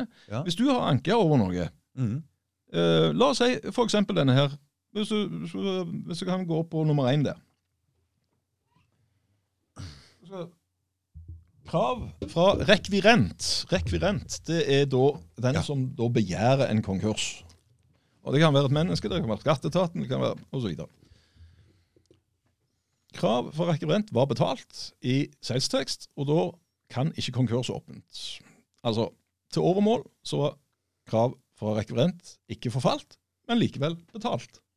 Altså, her var altså det kravet som konkursen ble åpna for, det var betalt. Eh, og det var heller ikke forfalt, men altså betalt. Dette har ingen dommer behandla. Nei. Og ta noe tro òg. Og at bostyreren da krevde de 65 000 kronene inn på sin konto på konkursåpningsdagen, og brukte det som et grunnlag på å fortsette konkursen. Dette, dette var det kravet den, denne konkursen da angivelig da ble åpnet på. Mm. Men det var jo betalt. Og for å skjule da at det var betalt, så krevde han at uh, hun som da hadde fått dette uh, sluttoppgjøret, måtte betale det inn til konkursboet. Mm. Og det er den eneste grunnen til at den konkursen her fikk fortsette. For ellers så var det jo ingenting. Så hadde da en normal uh, person opplevd dette Mm. Altså, Jeg tror nok denne bostedet er en særstilling, eh, særstilling Mm. men, men allikevel så var det noe sånn en gang at det var han. Mm. Og det var dette han gjorde. Og dette har altså domstolen ikke tatt stilling til. På noe som helst tidspunkt. Nei. Det er sånne ting du sender inn anke på dette her? ikke sant? Ja, Mm. alle disse tingene. Så da, Mm. ta nummer, da, ta nummer tre, hva det var. Ja. eh, Dette var en fraværsdom, eksempelvis. Mm. Jeg var jo ikke til stede. Og jeg, jeg meldte jo fra at eh, jeg hadde gyldig fravær av sykt barn, Mm. og jeg var 30 minutter forsinka. Så dette er ting du sender inn i saker som du sender inn Ja, altså dette, anker på? det, ja, Og anker- ja, ja, dette, det, ja, men alle, det, det, det verste av alt Det er, ingen av de punktene som jeg har på bloggene mine på Bostyretilsynet, så jeg har en hjemmeside, hjemmeside som står Mm. bostyretilsynet.no, og så har jeg òg en hjemmeside mm, som heter domstolensvenner.no, der jeg har ført uh, i pennen blogger over ting som har skjedd. Det er ikke én ting domstolen har behandla. Mm. Årsaken til at de ikke har behandla det Det er fordi det er ikke lov å anke.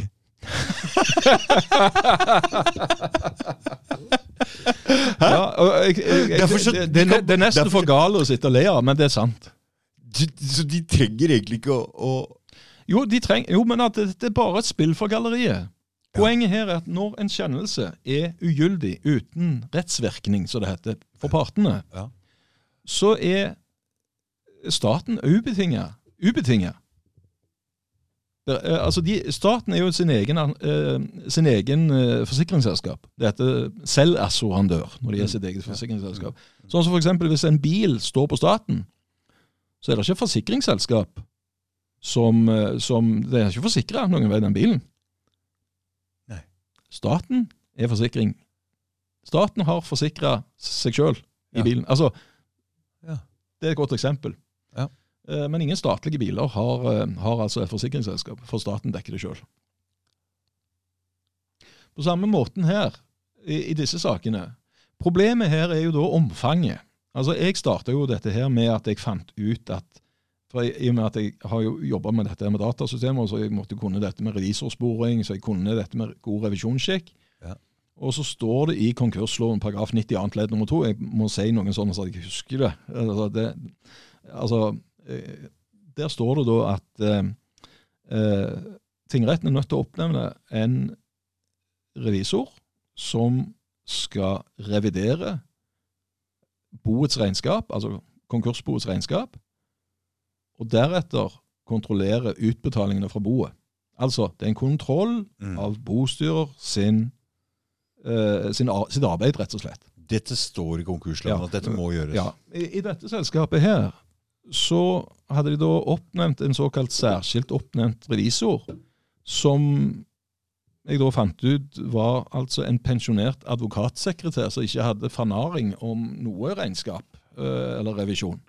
Mm. Hun hadde fått 1000 kroner for å kontrollere boets utbetalinger. Altså Det, er lite, det er veldig lite ja. Eh, Ja, nei, hun skrev jo men hva var det hun gjorde? Hun så fra en kontoutskrift som bo, bostyrer leverte sammen med et Excel-ark, og sa stemmer dette? Ja, signert. Men eh, dette er en kontroll da, som da heter kontoutskrift som du får fra banken din. Mm.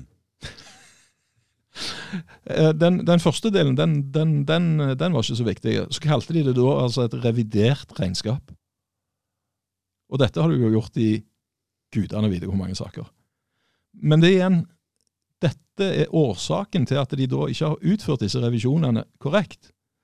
Det at en revisor, en statsautorisert revisor ville med to sekunder, fem minutter, eh, funnet ut at oi, her har vi en ugyldig konkurs fordi han ikke forskyndt rett. Mm. Eh, og det skal, eh, det skal ikke forundre meg om at en eller annen gang, om ikke så veldig lenge, så kommer det fram at det var faktisk akkurat det som har skjedd. At det var en revisor som har påpekt det. For det er naturlig. Mm. For jeg vet at en revisor ville oppdaget dette med en gang. Mm. Og da, istedenfor å endre praksis til sånn som det skal være, Mm. så har de bare avslutta revisjonen, den eneste kontrollen. Så istedenfor å ordne det sånn at kjennelsene blir faktisk forsynt, riktig, sånn at du faktisk kan anke, Mm. så valgte de heller å avslutte den eneste kontrollen bostyrene har, som tillot å, å gjøre sånn som det han her har gjort. Når de ikke da har tatt stilling til det på alle disse årene. Og når jeg, og når jeg men, men, men bare, bare for å si, når, når konsekvensen av dette er jeg, en familiemann, har måttet jobbe som en tulling, for her var det mange millioner kroner i verdier, Mm. måtte jobbe som en tulling og lagt ned 17 000 timer og måtte studere juss i en alder av 52 år. Mm. Jeg, altså dette, dette, dette her, jeg var, jeg var 48 når det begynte, jeg er 52 i dag. Og har måttet bruke, mens datteren min har blitt 11 år nå. Mm. sant? Det er, det er ganske grå. Far min har dødd i mellomtiden. så Han bodde i USA. Jeg kunne ikke besøke han engang. Mm. Og det var ikke covid. Det var pga. dette. Jeg hadde ikke penger. Jeg skjønner han, hva de det- gjør. De låser det- de- folk totalt med å ta fra dem all økonomisk Så de, folk orker ikke ta den kampen der. Det er Derfor de slipper unna med det gang på gang. Ja, ja, ja. ja. Og, det, og, det, og dette her og, Men det de gjør da, det kan du si De som da er på gulvet i skatteetaten og sånn, dette er ikke, dette er ikke stygge folk, det er ikke slemme folk. Dette her er en strategi som begynner på ledelsesnivå, avdelingsledernivå og oppover. Og alle som sitter på gulvet, de gjør jo det som sjefene sine sier. Selvfølgelig. Og der er det problemet. Og, men sjøl de tror jeg ikke alltid har hele oversikten, for å si det sånn. Eh, fordi det med åpne, Dette er jo ganske spesialkunnskap. Jeg måtte jo bruke ganske lang tid eh, på å så gå gjennom alle disse her sammenfatningene og alt dette her, for i det hele tatt klare å ha sjanse i havet til å finne ut av disse her greiene. Mm. Det, det er nesten umulig. Mm. Men, men når, når jeg har Altså, jeg, jeg må jo ha noen norgesrekorder etter hvert, men det er ikke det som har vært mitt Altså, jeg, jeg, jeg har hatt et overordna mål med dette. Eh, både for å hente inn data og finne disse tingene, men òg for å kunne bruke de dataene jeg har fått inn her, til å lage et slags eh, et datasystem som, som automatiserer og kan lage prognoser og eh, statistikk Mm. over Mm. eh, Som du kan frem, Så du har skyte putta dette inn i et slags Ja, det, Odalop-datasystem? ja, at det kalles legal tech. Altså et okay. datasystem som Mm. lager, kan, for, kan lage prognoser som sier Du har lagd et, et nytt firma som heter Legal Tech? Nei, jeg har et selskap i dag som heter Hold On. Oh, ja. Rule of Law Rule of law, ja. AS. Hæ? Eh, Men, men det er egentlig, eh, det er egentlig altså jeg, I dag så, så må jeg si at jeg, jeg er jo student, fattig student. Ja. men, men, eh, men jeg jobber òg litt sånn som, som konkurskonsulent, og jeg tar på meg litt sånn oppdrag i, i For jeg, jeg, eh, jeg har vel eh, sånn sett opparbeidet meg en viss kompetanse her som, Mm. som eh, ikke så veldig mange i dette landet har. Mm. Meg og Knut Ro og et par andre som er sånn kjente. Men, men det, som, det som er problemet oppi alt dette, det er all den feilen som dommere gjør, som de nekter å ta stilling til, som de er forplikta til å gjøre. For det de gjør nå Når jeg nå har avdekket at òg åpningskjennelsene er ugyldige, så er det noe som er vesentlig annerledes enn det som har vært. Før, før så har jeg jo påpekt det som har vært. Det er akkurat som i, i Nav-skandalen. Dette er jo ting som de har blitt påført. Men hva med de som da ja, Hvis du tenker disse her som da satt inne, var 22 stykker som slapp ut av fengsel nettopp fordi de var kalt inn til sånn bøtesoning. Mm. Mm. Mm. Her har du altså 4000-6000 stykker Og folk, nå, nå, Som nå er- ja. fratatt sin rettslige handleevne. mm. De er ilagt begrensninger som er så kraftige at De har ikke mulighet til å anke engang. Eller, Nei. de, de, selv om de har, de har har, nei, og, og når de da ikke avslutter konkursen riktig engang, så, så har du faktisk fra åpning til avslutning vært helt uten muligheter til å få en sak prøvd for en uavhengig og uh, upartisk domstol. Du har ingen rettsmidler. Du blir, du, du, sånn for, og dette, dette er erfaring. Dette er det jeg har kjent på kroppen. For jeg ble nemlig også slått privatkonkurs på et krav som ikke eksisterer. Og de holdt meg privat. Jeg er den første på sikkert 25 år som har blitt slått privatkonkurs uten å ha et enkeltpersonforetak til meg. Dette må du fortelle litt om. Ja, Altså, når da eh, domstolen fant ut dette her, at jeg hadde rett til disse tingene, så skulle de jo virkelig ta meg. Og Det gjorde de jo til gangs. For de åpna jo konkurs på meg som privatperson. Jeg, hadde akkurat fått en ny jobb, jeg måtte si fra meg. De holdt meg konkurs i 17 måneder. Det forstår jeg ikke. Hva, hva betyr det å være privatkonkurs? At du ikke kan ta en jobb? Hva betyr det? Altså, poenget er at eh, alt jeg eide og hadde, ble jo da Tatt? En- Nei, nei, det var ikke det. Jeg hadde jo allerede, Alt var jo sulta ned i det andre, så de klarte ikke å ta noe. Heldigvis har jeg ei kone med OK inntekt, som Ja. gjør at vi har klart beholde hus og alt sånt. Ja. Men, men det, det har vært harde tak. Og, og dette her, det, det er psykologisk krigføring de driver med.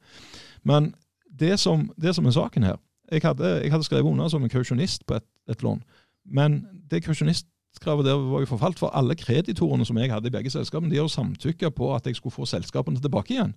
Som er en rettighet som domstolen ikke hadde brydd seg om å behandle. Mm. Men så tok de eh, da et krav ut av ingenting. Og jeg var i rettsmøte, og jeg eh, har opptak av det òg, forresten. Eh, men poenget her så For det første så var dette en fredag ettermiddag. Denne tingrettsdommeren som da hadde dette ansvaret her, hun reiste hjem tidlig, og så overlot hun til en administrasjonssjef der, som var igjen til klokka var fem, før hun endelig klarte å finne en bostyrer. Fredrik Bie, han er ganske kjent.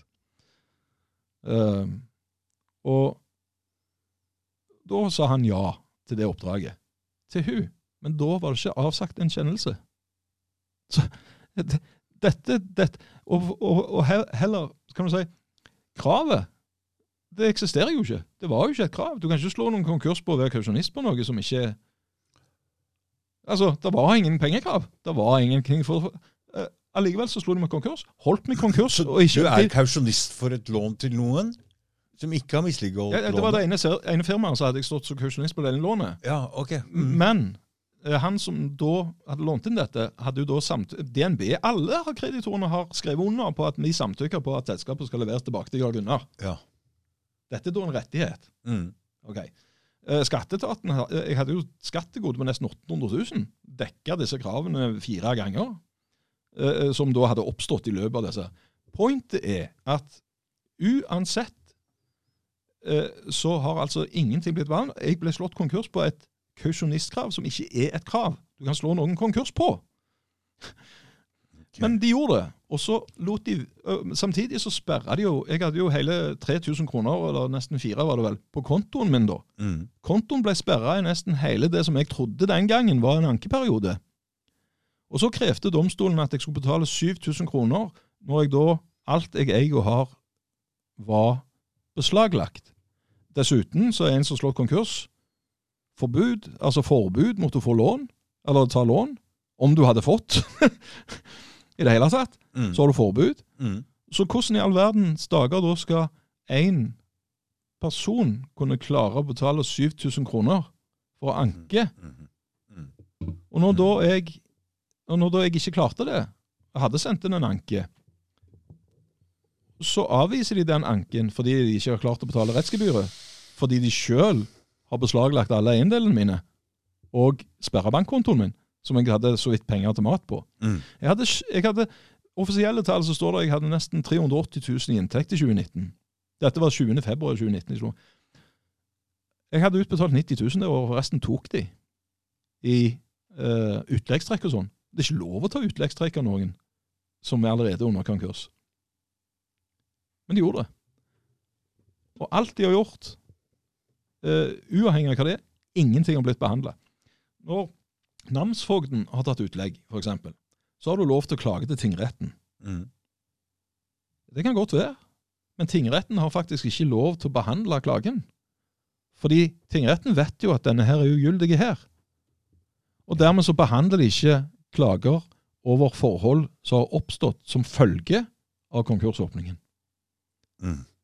Skjønner du? Det er ensidig, enspora, kynisk og fullstendig ulovlig. De trenger, ikke, de trenger ikke å se på en sånn sak. De vil ikke behandle den. Ja, Men de har ikke lov engang. Nei, det er ikke lov engang. Nei, de har ikke lov, fordi når eh, det har skjedd en sånn en såkalt kjennelse som blir en nullitet, Mm. så blir den Nå skal jeg si ett til latinsk ut. Res judicata. Endelig over. Det første var ex officio, Mm. en del av tjenesten. Mm. Eh, Og det, det er liksom det, rammen rundt behandlingen og sånn. Forsyningen og alt dette her, det, det skal du forvente at de skal kunne klare å gjøre sjøl. Mm. Og så har du resjudikata. Det er når noe er helt fullstendig over. Nå er det ferdig. Du har ikke lov til å gjøre noe med det. Og så er det sånn at du kan jo selvfølgelig ikke gå på en eh, sak, samme sak om igjen. Det er jo noe som heter dobbelse. Altså hvis du har vunnet en sak, og så, og så saksøker du den en gang til, og så får du enda mer penger, så kan du gjøre enda Nei, det går jo ikke, sant? Og, men det samme her er det som skjer når noe Når en kjennelse blir såkalt ugyldig, altså nullitet her, så blir òg sakskomplekset res judicata. Ikke bare kjennelsen. Det vil si alt. Eh, Hvis, hvis du tenker deg at eh, her har du utgangspunktet, Mm. og så går det sånn, og så kommer det grener ut her, sant? for det er gjeldsordning her, og så gjelder det òg skatteetaten, det gjelder namsfogden, det gjelder all, alt dette. Så det vil si, hvis den er ugyldig, så har ikke de hatt noe legitimt grunnlag. De har ikke hatt tvangsgrunnlag, og heller ikke tvangskraft. Så det de har gjort, òg er ugyldig. Mm. Alt det òg må betale tilbake. Og det fineste av alt, det er ingen foreldelse på dette. Fordi Nei. dette, når den blir ugyldig, Mm. så er dette, når de ikke har forkynt, så, så, så er det noe som heter en forutsetning, altså en prosessforutsetning. Faktisk er det så viktig at jeg kaller den absolutt prosessforutsetning for at noen andre etterpå skal få lov til å behandle. Og hvis de domstolen her da ikke passer på det, Mm. så tar de jo til behandling en sak der de faktisk ikke har lov til å ta til behandling. For prosessforutsetningene, altså absolutte prosessforutsetningene her, for å kunne For utgangspunktet er feil.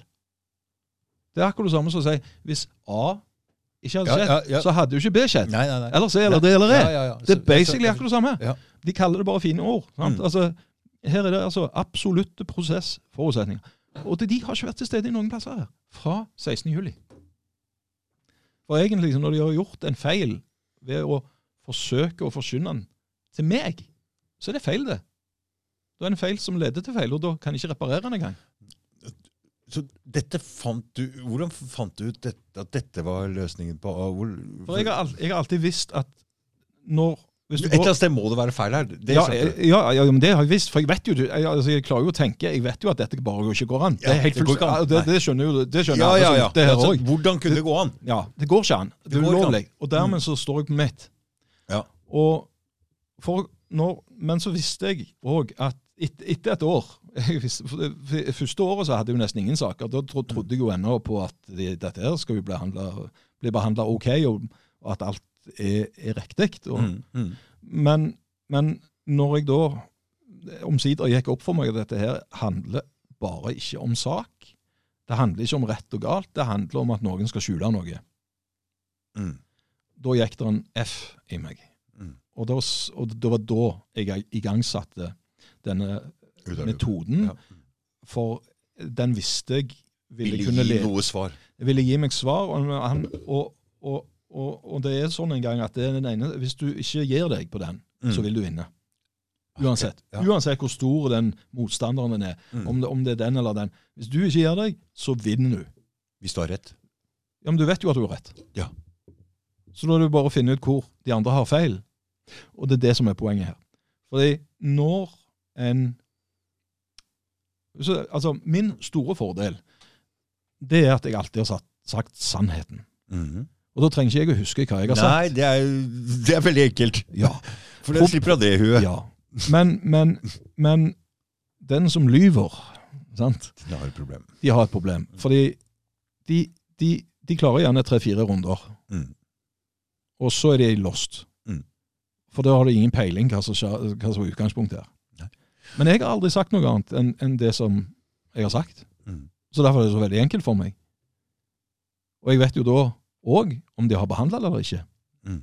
Uansett hvor mange ganger de prøver å gaslighte meg. Vet du hva gaslighting betyr? Ja. Ja. For det er det de gjør. Det er den usleste formen for psykologisk nedbryting av menneskeverdet som fins. Mm. En person som er underlagt sånne begrensninger som domstolen gjør, det gir en avmakt helt ulik noe annet. Og jeg skal fortelle litt, altså avmakt. Du har avmakt. Det er Og så har du de som utøver makt. De mektige. Og så har du de avmektige.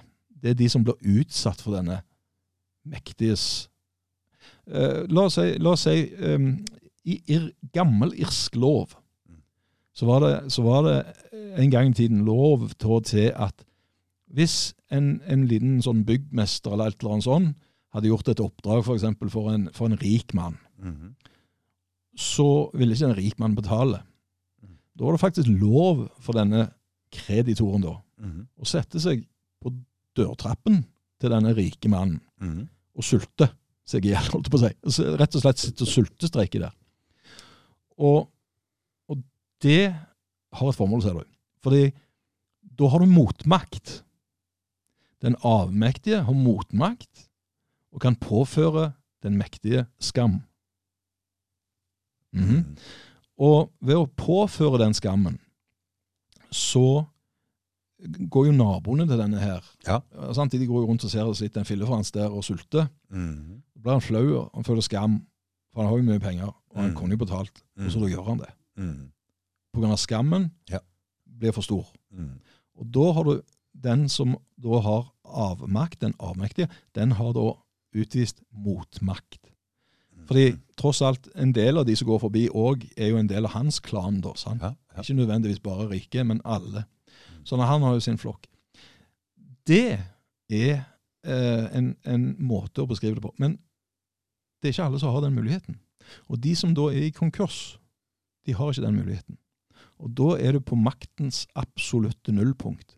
For du har ingen flokk. Du har ingen Sted å sette deg. Nei, du har ingen sted å sette deg, men du har heller ingen som kan For avisene de skriver jo ikke noe om dette. her. Er ingen som tar opp systemsvikt. Ingen som tar opp og hjelper de som nå er konkurs i dag. Dette er første gangen eh, i, i det offentlige rom du kan si, eh, at dette her kommer ut nå. Mm. Denne podkasten. Ja, men du, du har jo gitt ut noen podkaster selv. Jo, men det er meg. Ja. Dette er noe helt annet, og du stiller meg spørsmål. Ja. Alle de andre har vært jeg som har Bare prate litt sånn for deg sjøl om saken din. Ja, jeg har egentlig forsøkt å hjelpe andre så godt jeg kan. Ja. Men du er den første som i denne episoden her, din podkast Mm. uten navn, har, har, eh, har eh, gjennomført et Kall det et intervju, da. Ja.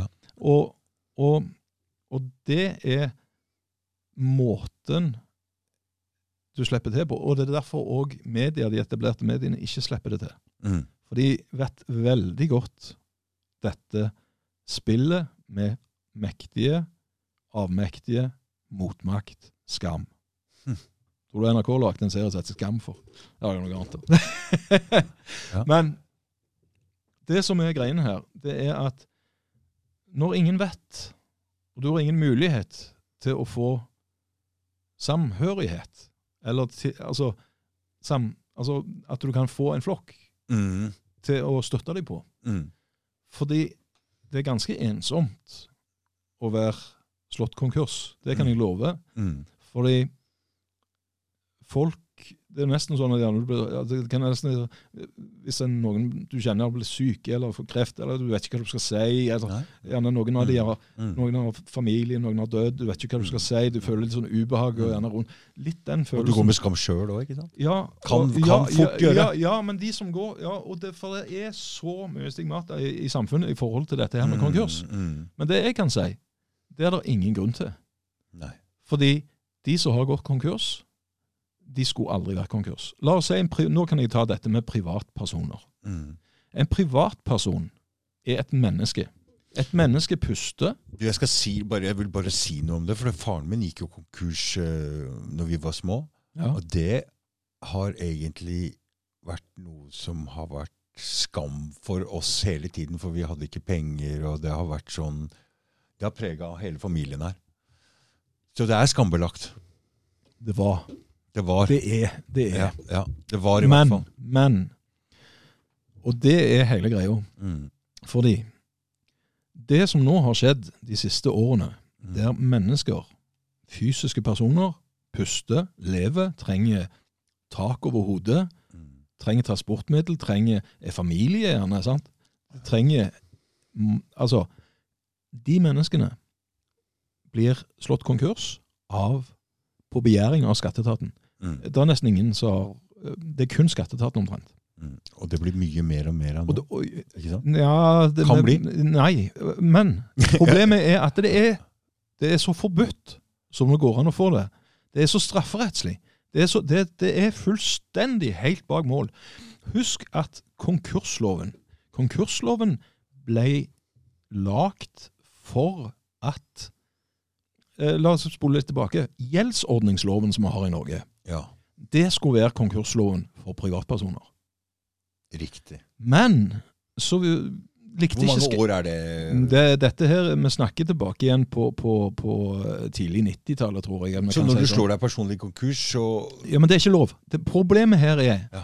at i samme slengen, i 1985 eller 1999, så kom det en revisjon av konkursloven og litt sånn som det. Mm. det. Det var enighet her om at konkurs mot private skulle ikke fortsette. Nei. Men det likte ikke skatteetaten. Hvorfor likte ikke skatteetaten det? Jeg vet ikke. Nei. Eh, det vet ikke jeg heller, men jeg kan tenke, for det har ingenting med skatten å gjøre. Nei, fordi det er private kreditorer. Ja, det er også, men pointet her er at det, Ja, jo, det, det kan være, men de, de drar jo nesten like mye på tilleggsskatter og sånne ting. Nei, dette handler om jobber i staten. Ut ifra det som jeg har av tall, så handler dette utelukkende om jobb til egne ansatte i staten. Derfor slår altså begjæret skatteetaten mennesker konkurs. For nå skal jeg fortelle hvorfor de ikke kan gjøre det. Du husker den Tolga-saken? Med disse brødrene som ble erklært psykisk syke. Den husker jeg så vidt det var noe Ja, snakk om. ja, det var tre brødre oppe i Tolga, så, Ja. så kommunen der skulle få litt ekstrabevilgninger fra staten, sånn at, eh, sånn at eh, eh, måten de gjorde det på, da, det var å erklære noen brødre som ikke var psykisk syke, for psykisk syke, og så oppnevnte de, fikk de tingretten der oppe til å oppnevne en verge for dem og frata de partsevnen. Nå kommer Eh, vi inn på noe som er litt spennende, syns ja. jeg. Ja. Ja. Så Partsevnen. partsevnen, det er den evnen Altså, den, den er regulert i tvisteloven som sier at alle mennesker, fra de er født, har en partsevne. Av og til så er det jo noen andre som må utnytte den for deg, sant? for du ikke kan bruke den sjøl når du er barn og baby og alt sånt som det. Ja. Eller, eller at du faktisk hadde vært psykisk syk, eller du har Dement, andre, eller- dement, eller hva det måtte være. Mm. Men en vanlig frist oppegående menneske som ikke er det, Mm. skal selvfølgelig aldri fratas partsevnen sin. Det, det er noe av det eh, mest alvorlige en stat kan gjøre mot et menneske, uten å omtrent henrette dem.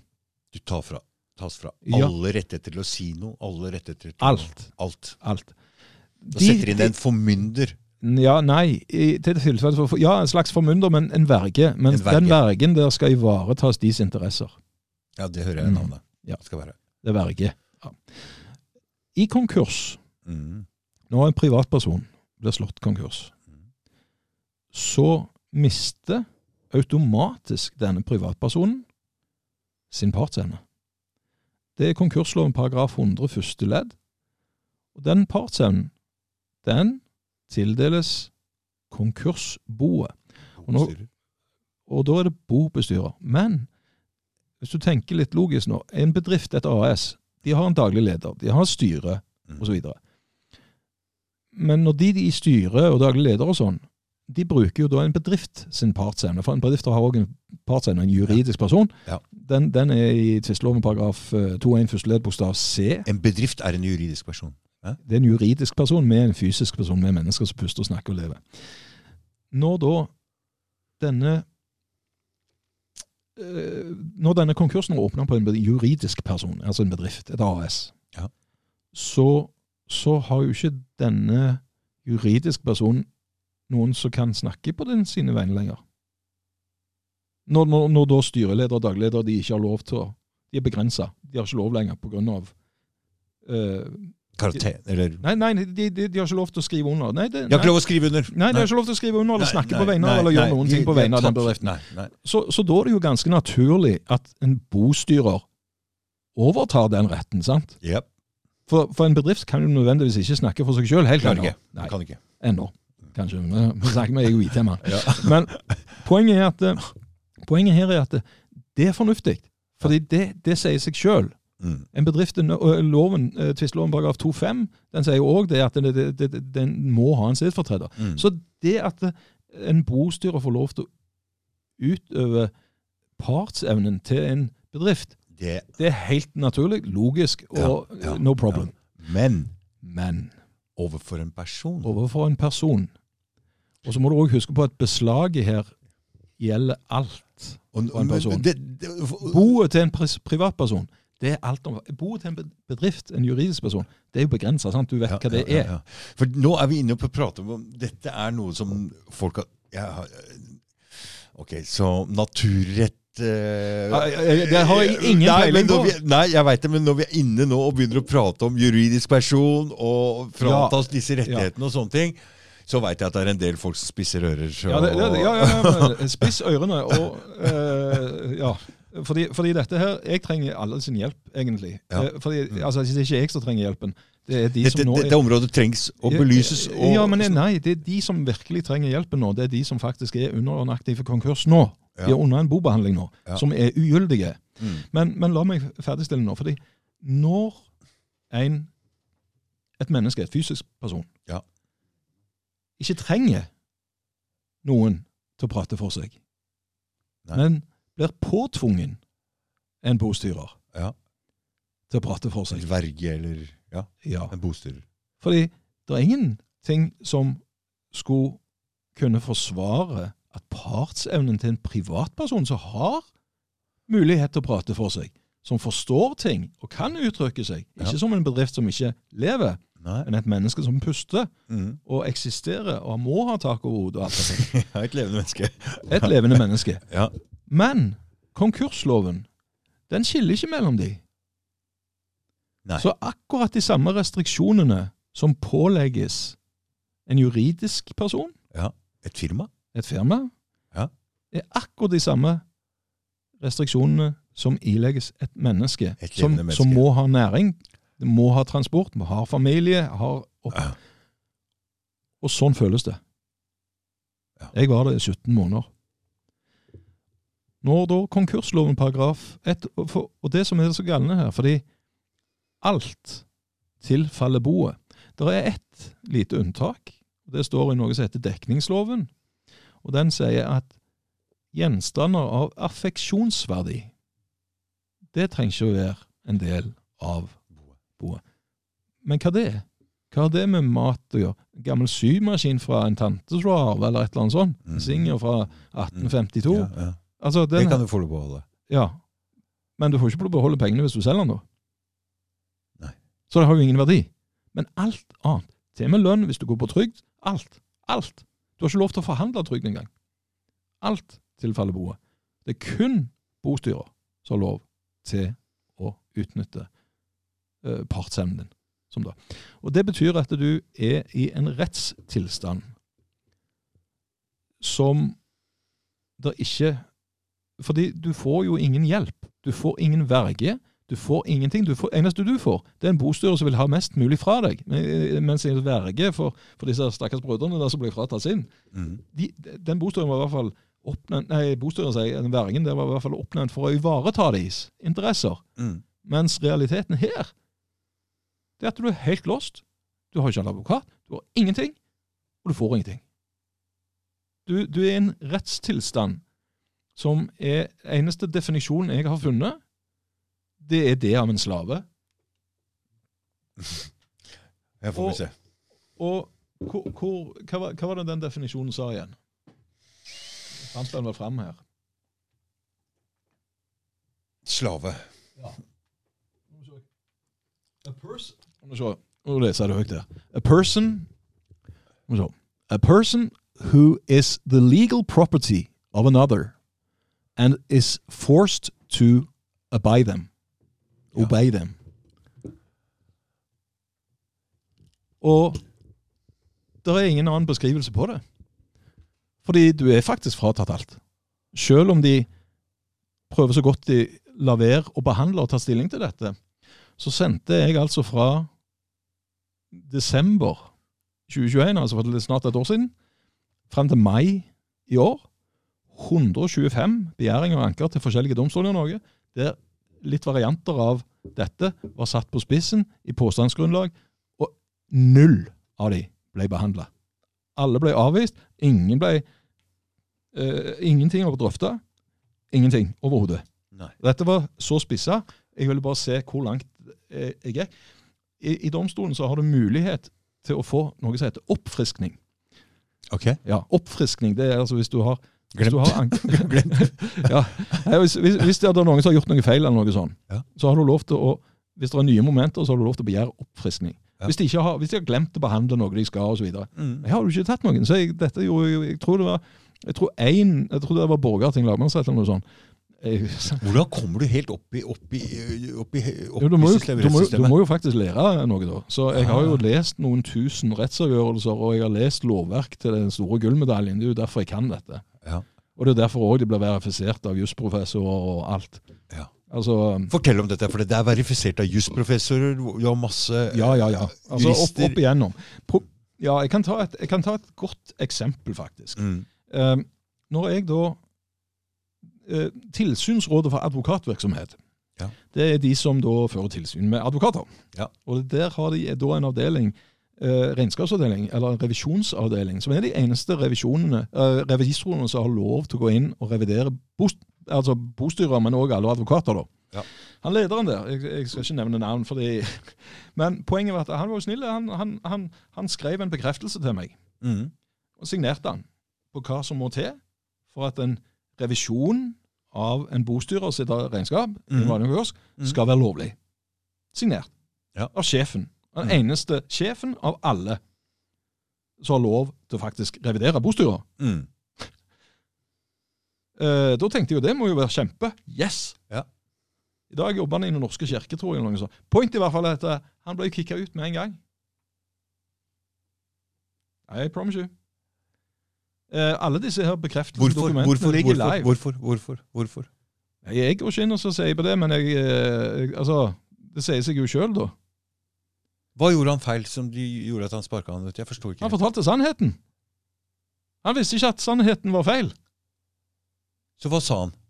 Han skrev akkurat det som jeg har sagt, altså i forhold til at eh, den eneste kontrollen med bostyrere altså det er revisjonen, og den revisjonen skal utføres etter god revisjonssjekk, og i tillegg så skal tingretten godkjenne denne revisjonen før de har lov til å ta den avsluttende kjennelsen som avslutter da denne konkursen. Han skriver akkurat det samme som du sier hele Akkurat her. det samme. akkurat det samme. Og etter at han sa det, Ja, så Plutselig så mista han jobben. Jeg vil tro det. Og hvor jobber han? Eh, Det er- det var vel Den norske kirke, tror jeg, hvis jeg har hørt det sist. Så de er klar over dette. Ja, alle er klar over dette.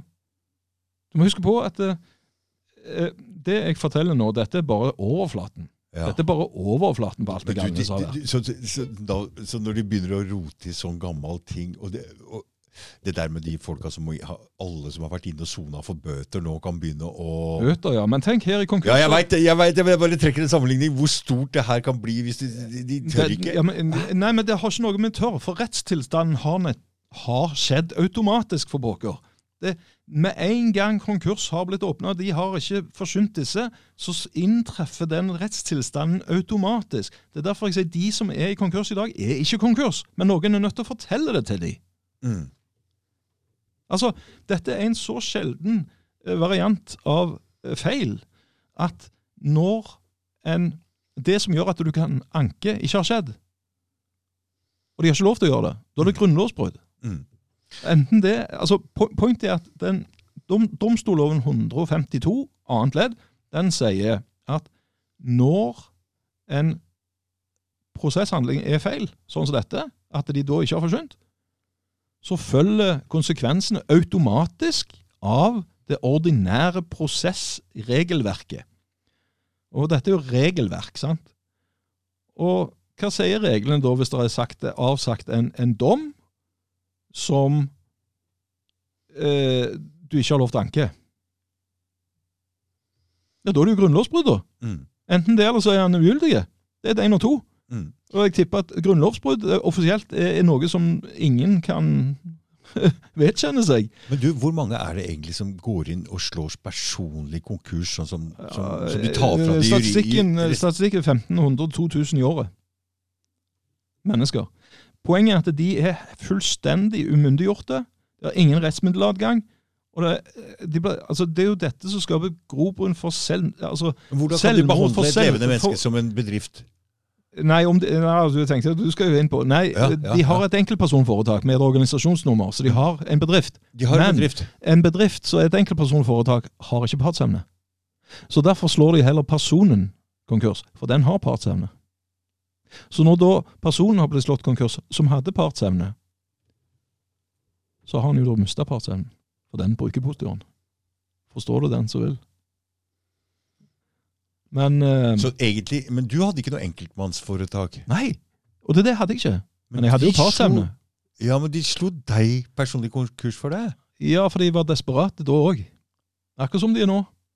Men nå har jeg eh, mer kunnskap enn de fleste dommere, og jeg eh, vet eh, hva jeg skal si, vet hva jeg skal skrive.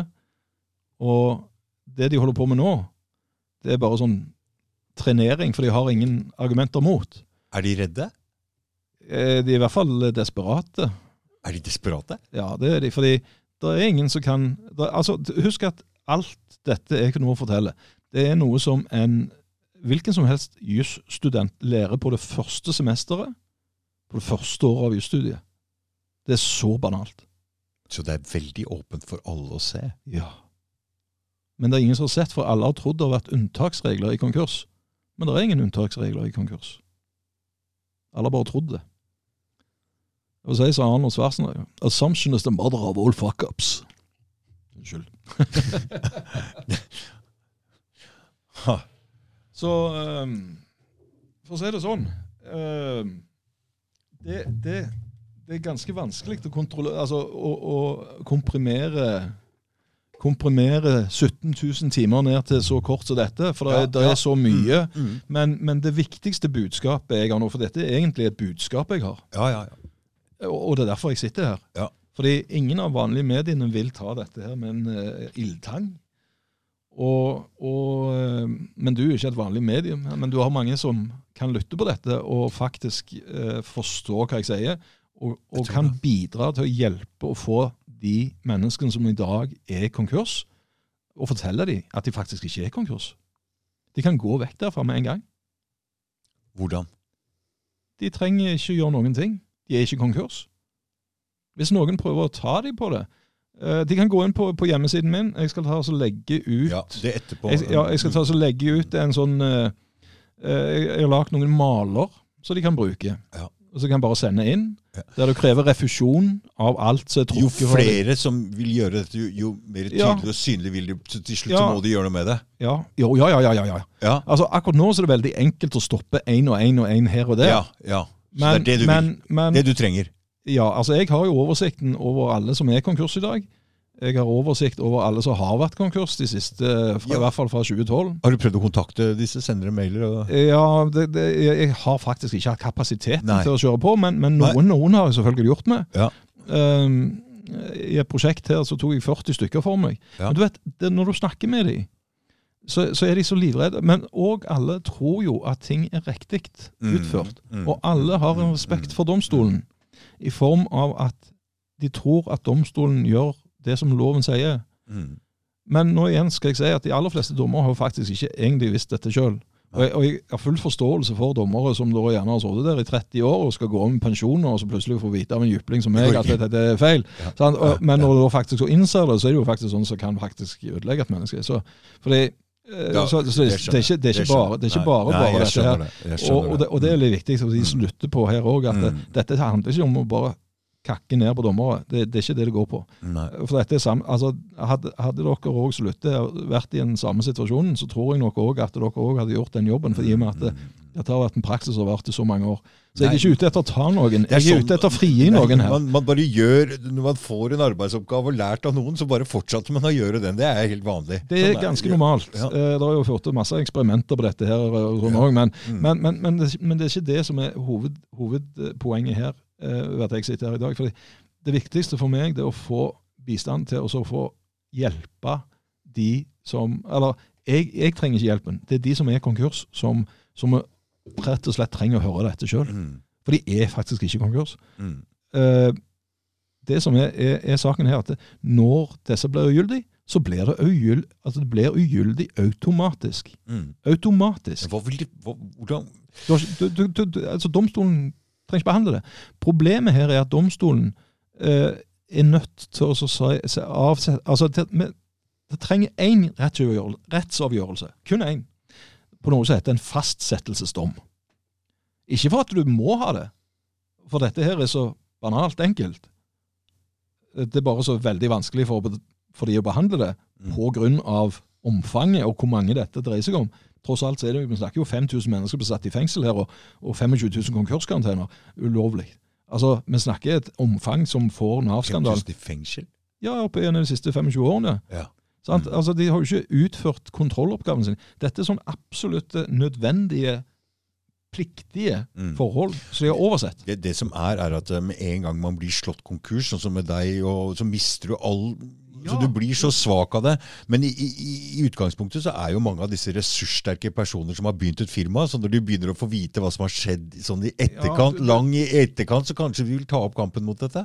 Jeg, jeg tror faktisk ikke det. fordi jeg, jeg tror, ja, altså Jo, hvis, jeg får, hvis at de blir klar over det faktisk Ja, hvis de, krav på- ja, hvis de, begynner, å ja, hvis de begynner å bli klar over disse tingene. Ja, ja for, det, det, det er for de, har, de har nemlig krav på erstatning. Det er ikke foreldelse på Nei. feil ved absolutte prosessforutsetninger. Nei, nei, nei. Det var et vanskelig ord. Ja. Men det er faktisk ikke foreldelse på dette.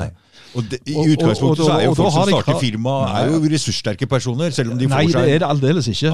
Nei, tenk på alle de stakkars menneskene, privatpersonene. De ikke, altså dette, Nei, kan være, nei, nei. Dette, dette kan være hvem som helst. Ja. Det kan være en som har starta et, et, eh, Jeg vet ikke hva disse er, selger såpe eller et eller annet på homeparty. All, alle må ha et organisasjonsnummer. Ja. Og, og, det, og det kan være hvem som helst Mm. som har ramla dette. Og, da- og da mener jeg hvem som helst. Mm. Og dette her For å være helt ærlig, det som står i mediene og alt dette, det, det, det er bare bullshit. Det er bare toppen, det. De aller fleste som slås konkurs, det handler om sykdom, skilsmisser, et eller annet sånn som det som livskrise. Mm. Kreft. Altså, dette er årsaken til at de ble slått Mm. konkurs. fordi Mm. det, og, og så får de fengselsstraff, for de har, de har tatt noe av den momsen Mm. for å overleve. Mm. Men hva er da det i forhold til den manglende revisjonen av det de sjøl har holdt på med i domstolen? Hæ? Altså, her snakker vi om alvorlige eh, lovbrudd på regnskapsloven, og, og, for det, det er det samme lovverket som gjelder. Jeg har, jeg har politianmeldt så mange bostyrer. Jeg har tatt ut private straffesaker mot dommere, som for øvrig jeg fant ut for to dager siden ikke var signert, så da er han faktisk ikke behandla, så da må jeg ta den på ny nå. Og egentlig så har de tatt ut den retten til å ta ut private straffesaker mot folk nå nettopp. Men så lenge de er levert inn før den revisjonen av den loven nå. Og dette, dette ble levert inn i 2019. Og det betyr at nå har da saker som både en tingrett, to tingretter og lagmannsretten og Høyesterett behandla, så kan de ikke behandle det, for den første kjennelsen var ikke signert. Og har du ikke signert en kjennelse, så er den ikke gyldig. Så jeg sendte et spørsmål, jeg spurte Gulating her i en e-post her for et par dager siden, og spurte om det gjerne var på tide å behandle den nå. Mm. Eller eh, Haugaland, Haugaland tingrett var det da. Mm. Ehm, fordi Før så var det sånn at det, hvis politiet etter å ha fått en anmeldelse bare henla den, Mm. så hadde du da lov til å ta ut det som heter en privat straffesak. Og Da kunne du bare levere den til domstolen, og så var domstolen egentlig pliktig til å behandle det som en straffesak. Si det en gang til. jeg sier. Men de, de, har- de har Bare si det der en gang til. Okay. Ja. Før, Før. før, og det var, det var før, Før. før jeg gjorde dette. uh, Før du gjorde ja, jeg, jeg tok ut private straffesaker mot eh, ni dommer og fem bostyrer og advokater. Så de måtte For, lage ja, Så måten, de forandre... måten var det at jeg da anmeldte de til politiet, Mm. og så forventa jo jeg da at politiet selvfølgelig skulle henlegge det. Men de ja ja, ja, Det var planen, det. Ja, det var planen. Ja, ja. Ja. Det, var de, det visste jo ikke de da, men jeg, jeg hadde jo observert det Ja. i denne her systemet mitt. Mm. Og da, og da forventa jeg, så jeg gjorde alt klart, jeg da. Ja. Sånn, når de hadde henlagt, Ja. Så sendte de det til en tingrett med ferdig eh, begjæring om privat straffesak. For de handlingene som nå er dokumentert at de faktisk har gjort. Ja, ja, er det sånn F.eks. For eksempel når fetteren til Birgitte Tengs ble dømt i erstatning i en sånn privatsak? Er det noe Nei, sånt? det er ikke, nei, nei, dette her er på grunn av, dette er av at politiet ikke har gidda å behandle det sjøl. Så er det et eller annet sted sto det i loven før at Ja, du kunne Da kunne du få lov til å ta den ut sjøl. Altså, Du var da påtalemyndighet. Ja, Mhm. Så når da det viser seg at jeg faktisk er Men den jeg, loven er tatt bort nå. ja, men, men ikke mine saker, fordi de har jo ikke signert den, så den ligger jo ennå til behandling. Ikke Når ble, dette, når ble dette tatt ut? Hvordan fant du den lille greia der? Ja, jeg, For å si det sånn, jeg, eh, jeg har vært gjennom jeg tror, jeg, det kan være 748 lover vi har. I, eh, jeg tror jeg har vært gjennom alle. Ja. Eh, Så de, etter at du gjorde det der noen ganger, så tok de bort den loven? ja, det er det de har gjort i år. I år, ja? I år, ja. Så du veit de følger med deg? De, de Ja, følger de med på hva du driver ja. med? Ja, ja, ja, ja, jeg har stoppa de mange ganger på brannmuren min på PC-en. så- Nei, nei. ja, altså, jeg, det, det, klart de er der. Jeg, jeg tar det som en selvfølge, så derfor åpner jeg opp for de heller. Da de kommer inn, så kan jeg loggføre hva de holder på med inne der. Nei da, jeg, jeg, jeg tenker sånn at eh, jeg forventer at de gjør hva som helst, for det er så store verdier vi snakker om her. Ja. Men, det er så, men samtidig så mener jeg at menneskeverdet her er mye mer verdt enn enn hver krone som, som, eh, som de For det, det, er, det er fullstendig inhumant. Det er, for meg så eh, har dette vært verre enn å bli satt på enecelle. Du blir helt låst. Mm. Du vet jo at du har rett, Mm. og de driver og peprer deg med at du har feil.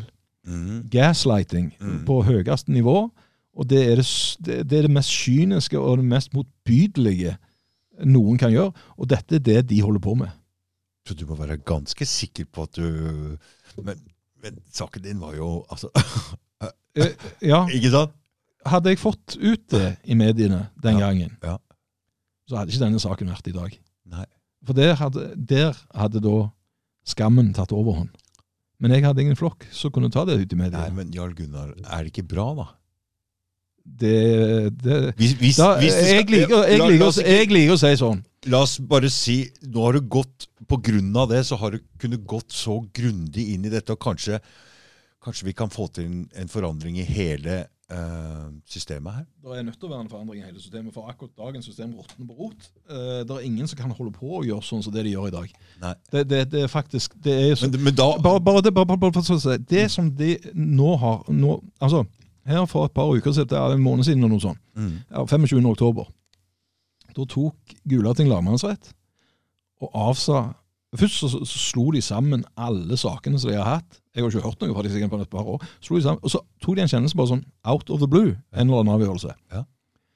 Og så brukte de det som da heter kverulantparagrafen. Han, het, han heter jo ikke det, da.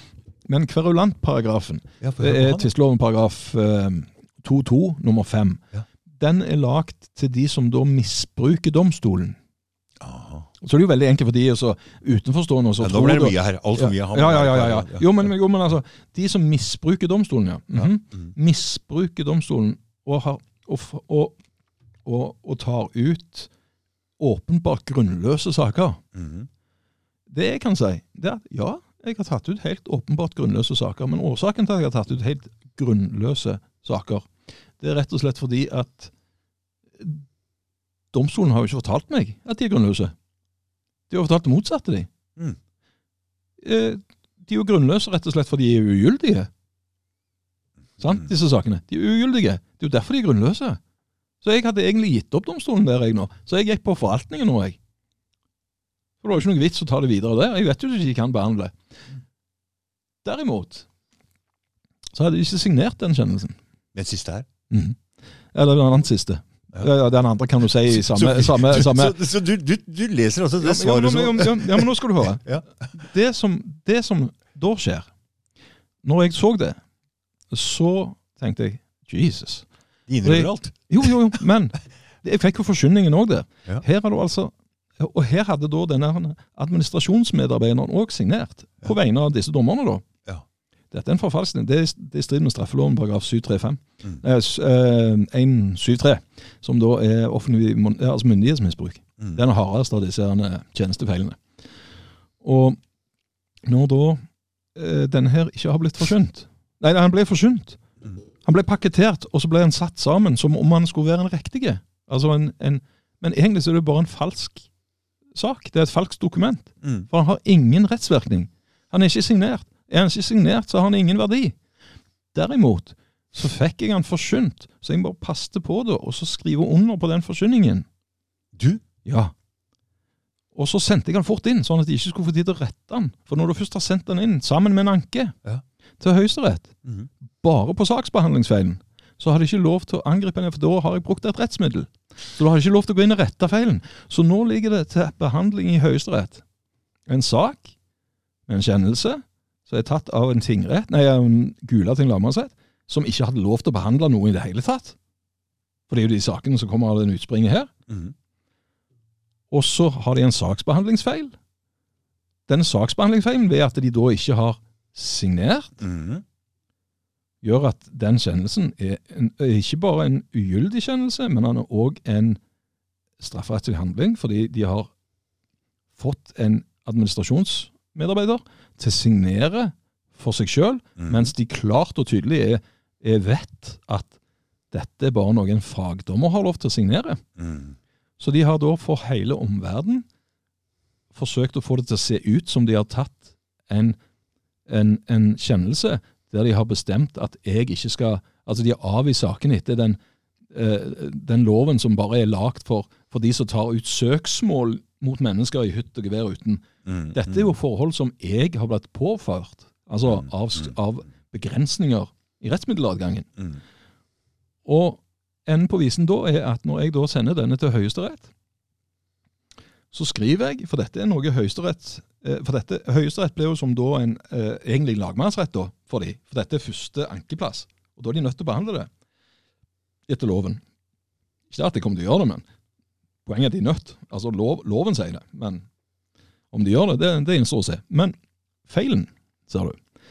De kan jo ikke sende den saken der tilbake igjen til lagmannsretten. De hadde slått sammen 40 saker. 40 saker gjennom fire og et halvt år. Alle sakene hadde de ført opp. I én avgjørelse. Og, og det betyr at lagmannsretten kan jo ikke behandle dette, for de har jo ikke lov til å behandle det i utgangspunktet. Og de kan jo heller ikke sende det tilbake til tingretten. For tingretten kan jo i hvert fall ikke behandle det, disse, her, de forholdene her. Og Det betyr at eh, da er Høyesterett nå tvungen til å heve saken med alle de 40 sakene, som inkluderer alle konkursene og alt dette her. Men de er nødt til òg å heve etter tvisteloven paragraf 3015 alle sakene med tingretten og avvise de begjæringene som har kommet inn. Så basically så kan du si rettstilstanden per i dag nå er egentlig at konkursene aldri har skjedd, som de heller ikke har, men nå er egentlig Høyesterett forplikta til å gjøre det. Var dette vanskelig? Ja, det, det, det er litt vanskelig. Det er litt vanskelig. Men, Poenget er Gulating var dumme. De tok, eh, trodde, de, jeg trodde de skulle være dumme mot meg, men egentlig så var de jo idioter.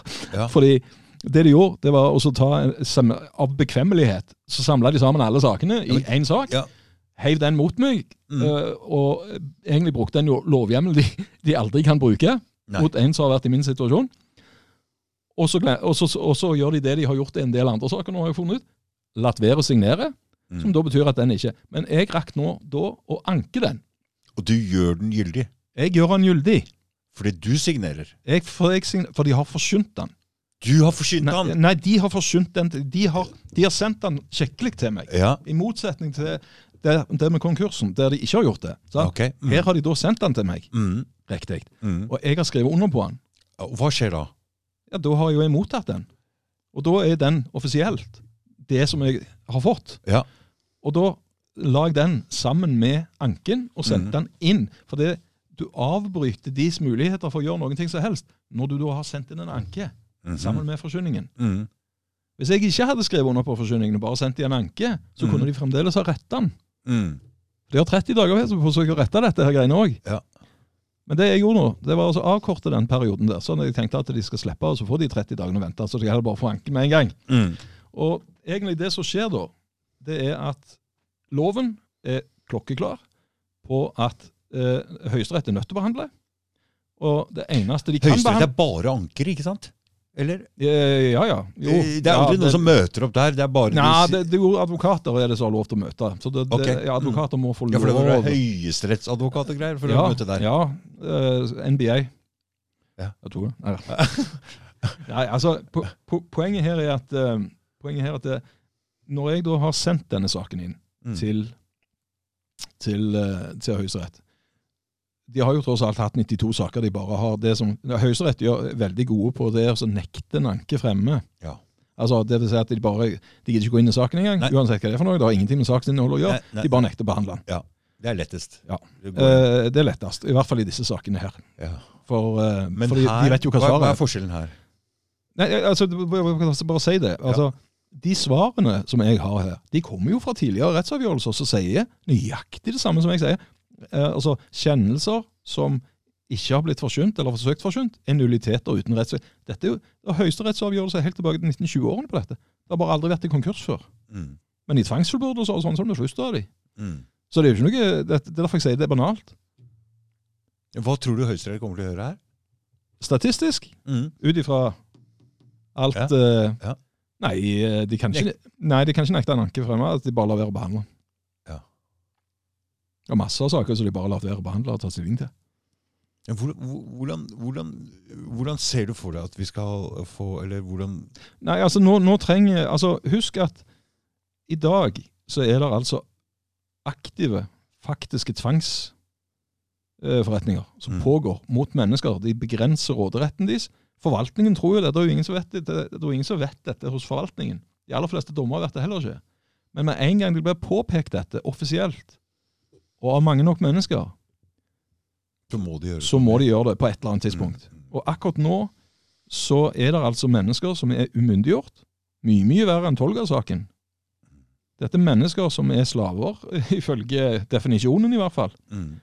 For det er ingen rettsmiddeladgang for dem. De har ikke lov til å utnytte sin egen partsevne. Den, eh, den er overført til bostyren. Punktum. Mm. Det er, altså, det er ingen tvil om disse tingene. Problemet her er at omfanget er feil. Altså bare, bare det, bare det sier 2000 mennesker hvert år da. De siste 20 årene er 40 000 det.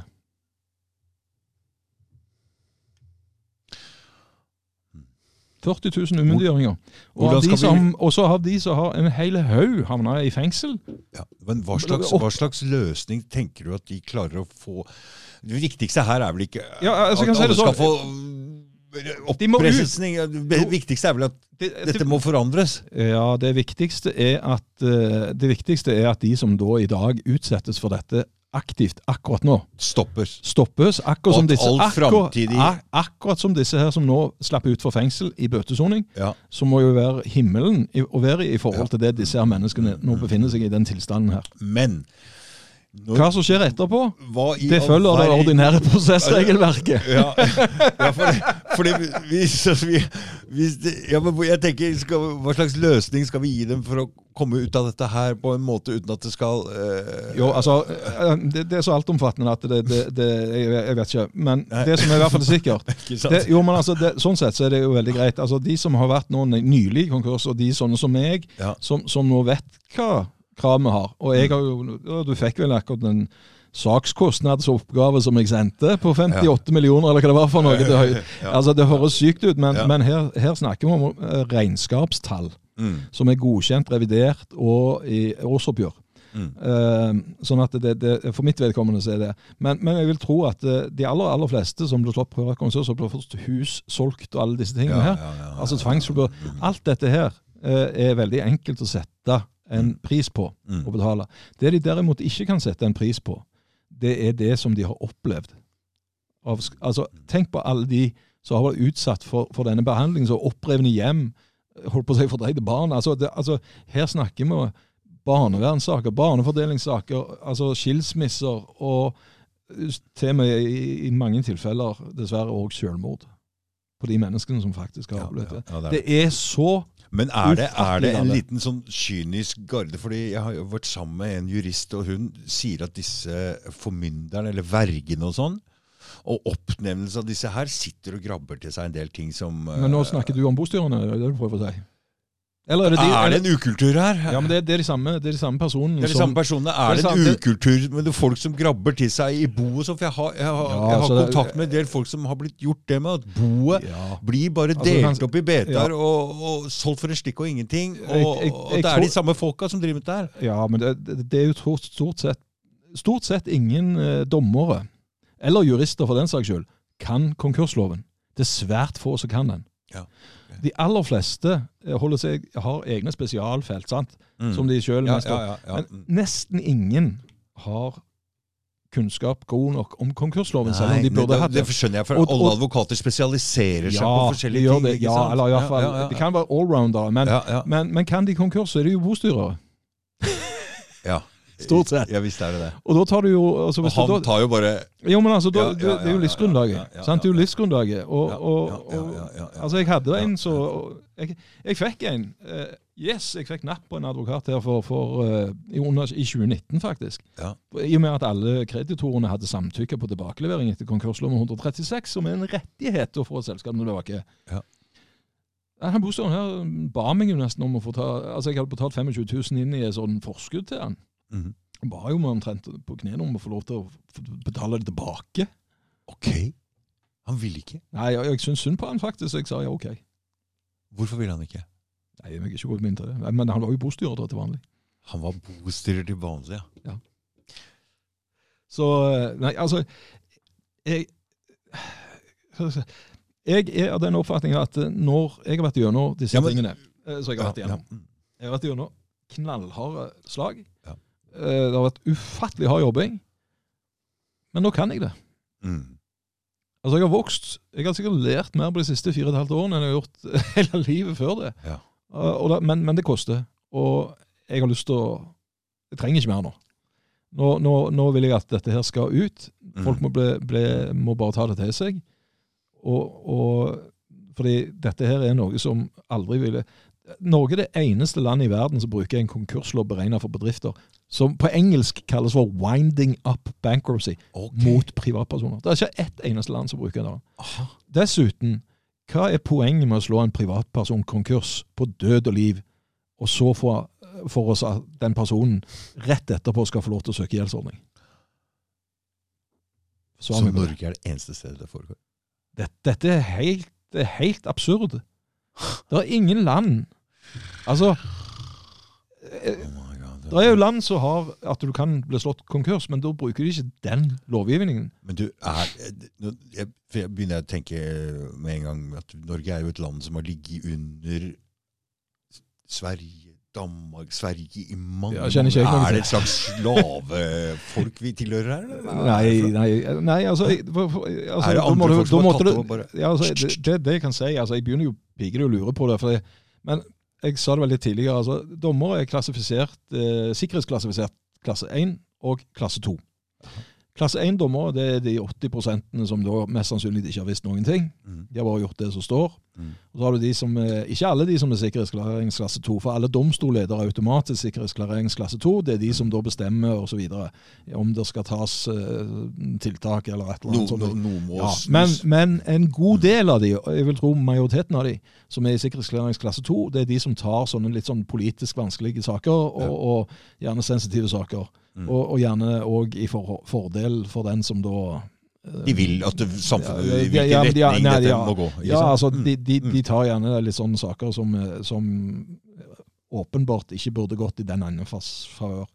Dette dette har sklidd litt ut, men poenget er at disse har øh, Fordi rettsstaten er en Rettsstaten, rettsstaten er ikke eksisterende for akkurat for øyeblikket, i hvert fall ikke i det som har med konkurs og andre tvangsting. Det heter indispositive saker.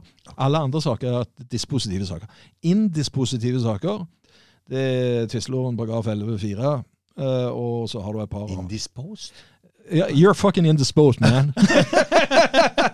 Det betyr at du er full, eller? eller Ja, ja, ja. er er er er du er ikke tilregnelig, eller du er ikke Ja, Hvis en bostad er veldig snill med deg, så abandonnerer han noe til deg. Ja. Abandonere. Ja, Hva betyr det? Abandon. Yes, you got it! Vi er veldig flinke på dette her nå. Ja, ja det er engelsk! Vet du hva, Det var faktisk det første jeg spurte han bostyreren om Ja. på det første møtet der. Ja. Hva betyr abandonere? Ja. Ja, Det kommer av abandon på engelsk. Ja. ja. Så det var sånn jeg lærte det. Så takk, eh, Hogne Skjerpe. Men, ja, så har har vi sånne etternavn igjen. Altså det, du hører hva han må. Ja, Han må skjerpe seg. Ja. Derfor jeg lagde den første skjerpesamling. Ja. Ja, det heter jo skiftesamling, da. Så Ja. jeg, vi må Nei, dette må du klippe vekk. Ja, må du klippe. Jeg liker ikke det. Har jeg ikke noe fint å si, så trenger jeg ikke si det. Nei, nei, men nå har du allerede sagt det. Ja, ja, det har Er, helt er, nå har vi Hvor lenge har vi holdt på nå? Hvor satt den? Ja. Fly me to Men, the men, moon. men du, Dag. Uh, hva tenker du? Er det noe du vil ha fram Bare kom med røsten din. Nei. Dag Røste. ja. Ladies and gentlemen, welcome to the show. Du, skulle vært sånn amerikansk radio. Ja, jeg har jo amerikansk pastor. Ja. Og norsk. Ja. Og kines... Nei, det er ikke Welcome. Okay.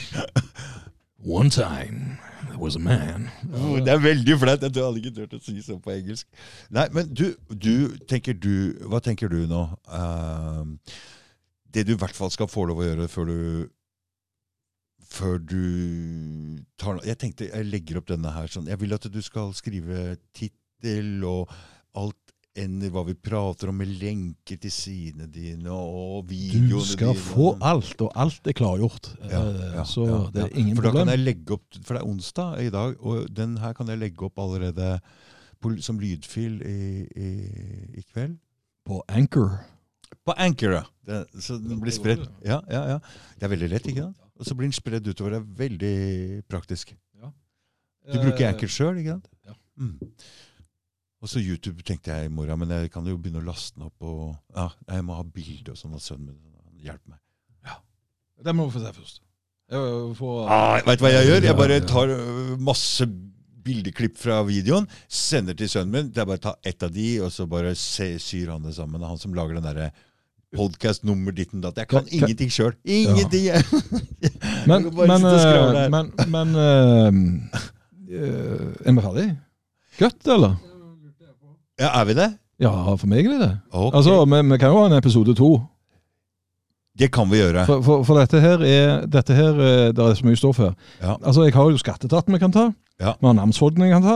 Ja, for dette har- er et kjempestort tema, ikke sant? Og jeg Ja, ja, ja, nå- det, dette, her var, dette, her må, dette var det første. Ja. Og dette er det viktigste. Mm. For her sitter det folk og er sånn Altså, de, de sitter og er Du vil at folk skal kontakte deg. Du vil at det skal skje jeg vil helst ikke kontakte meg. Nei. Jeg, jeg er bare et menneske. Ja. Men jeg vil at de skal hjelpe de som sitter i domstolen. Eller sitter, i- sitter fanga i domstolen sin verden. Ja. Fordi domstolen har tatt saker til behandling, Mm. og holder de der.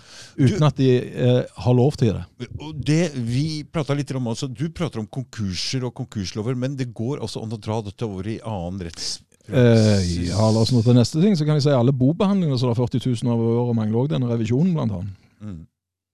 Så vi snakker 800 000 boder de siste 30 årene. Ja. Det, det blir for stort akkurat nå. Ja. Litt om gangen. Ja, vi tar litt om Ja. Tusen takk, Jarl Gunnar, for en opplysende og Sjøl takk. ja. mm. Eh, setter pris på å få lov til å komme her, og at Mm. du, du er en fantastisk situasjon du faktisk har så mange lyttere. Ja. Så du trenger ikke tenke på at du er avmektig. Du har jo motmakt så det holder. du. Slipper å sette meg på trappa og sulte. Jeg har ikke lyst til det. Ja. Ok, tusen takk. takk tusen takk. Ja. Likeså. Hei. Velkommen til podkasten.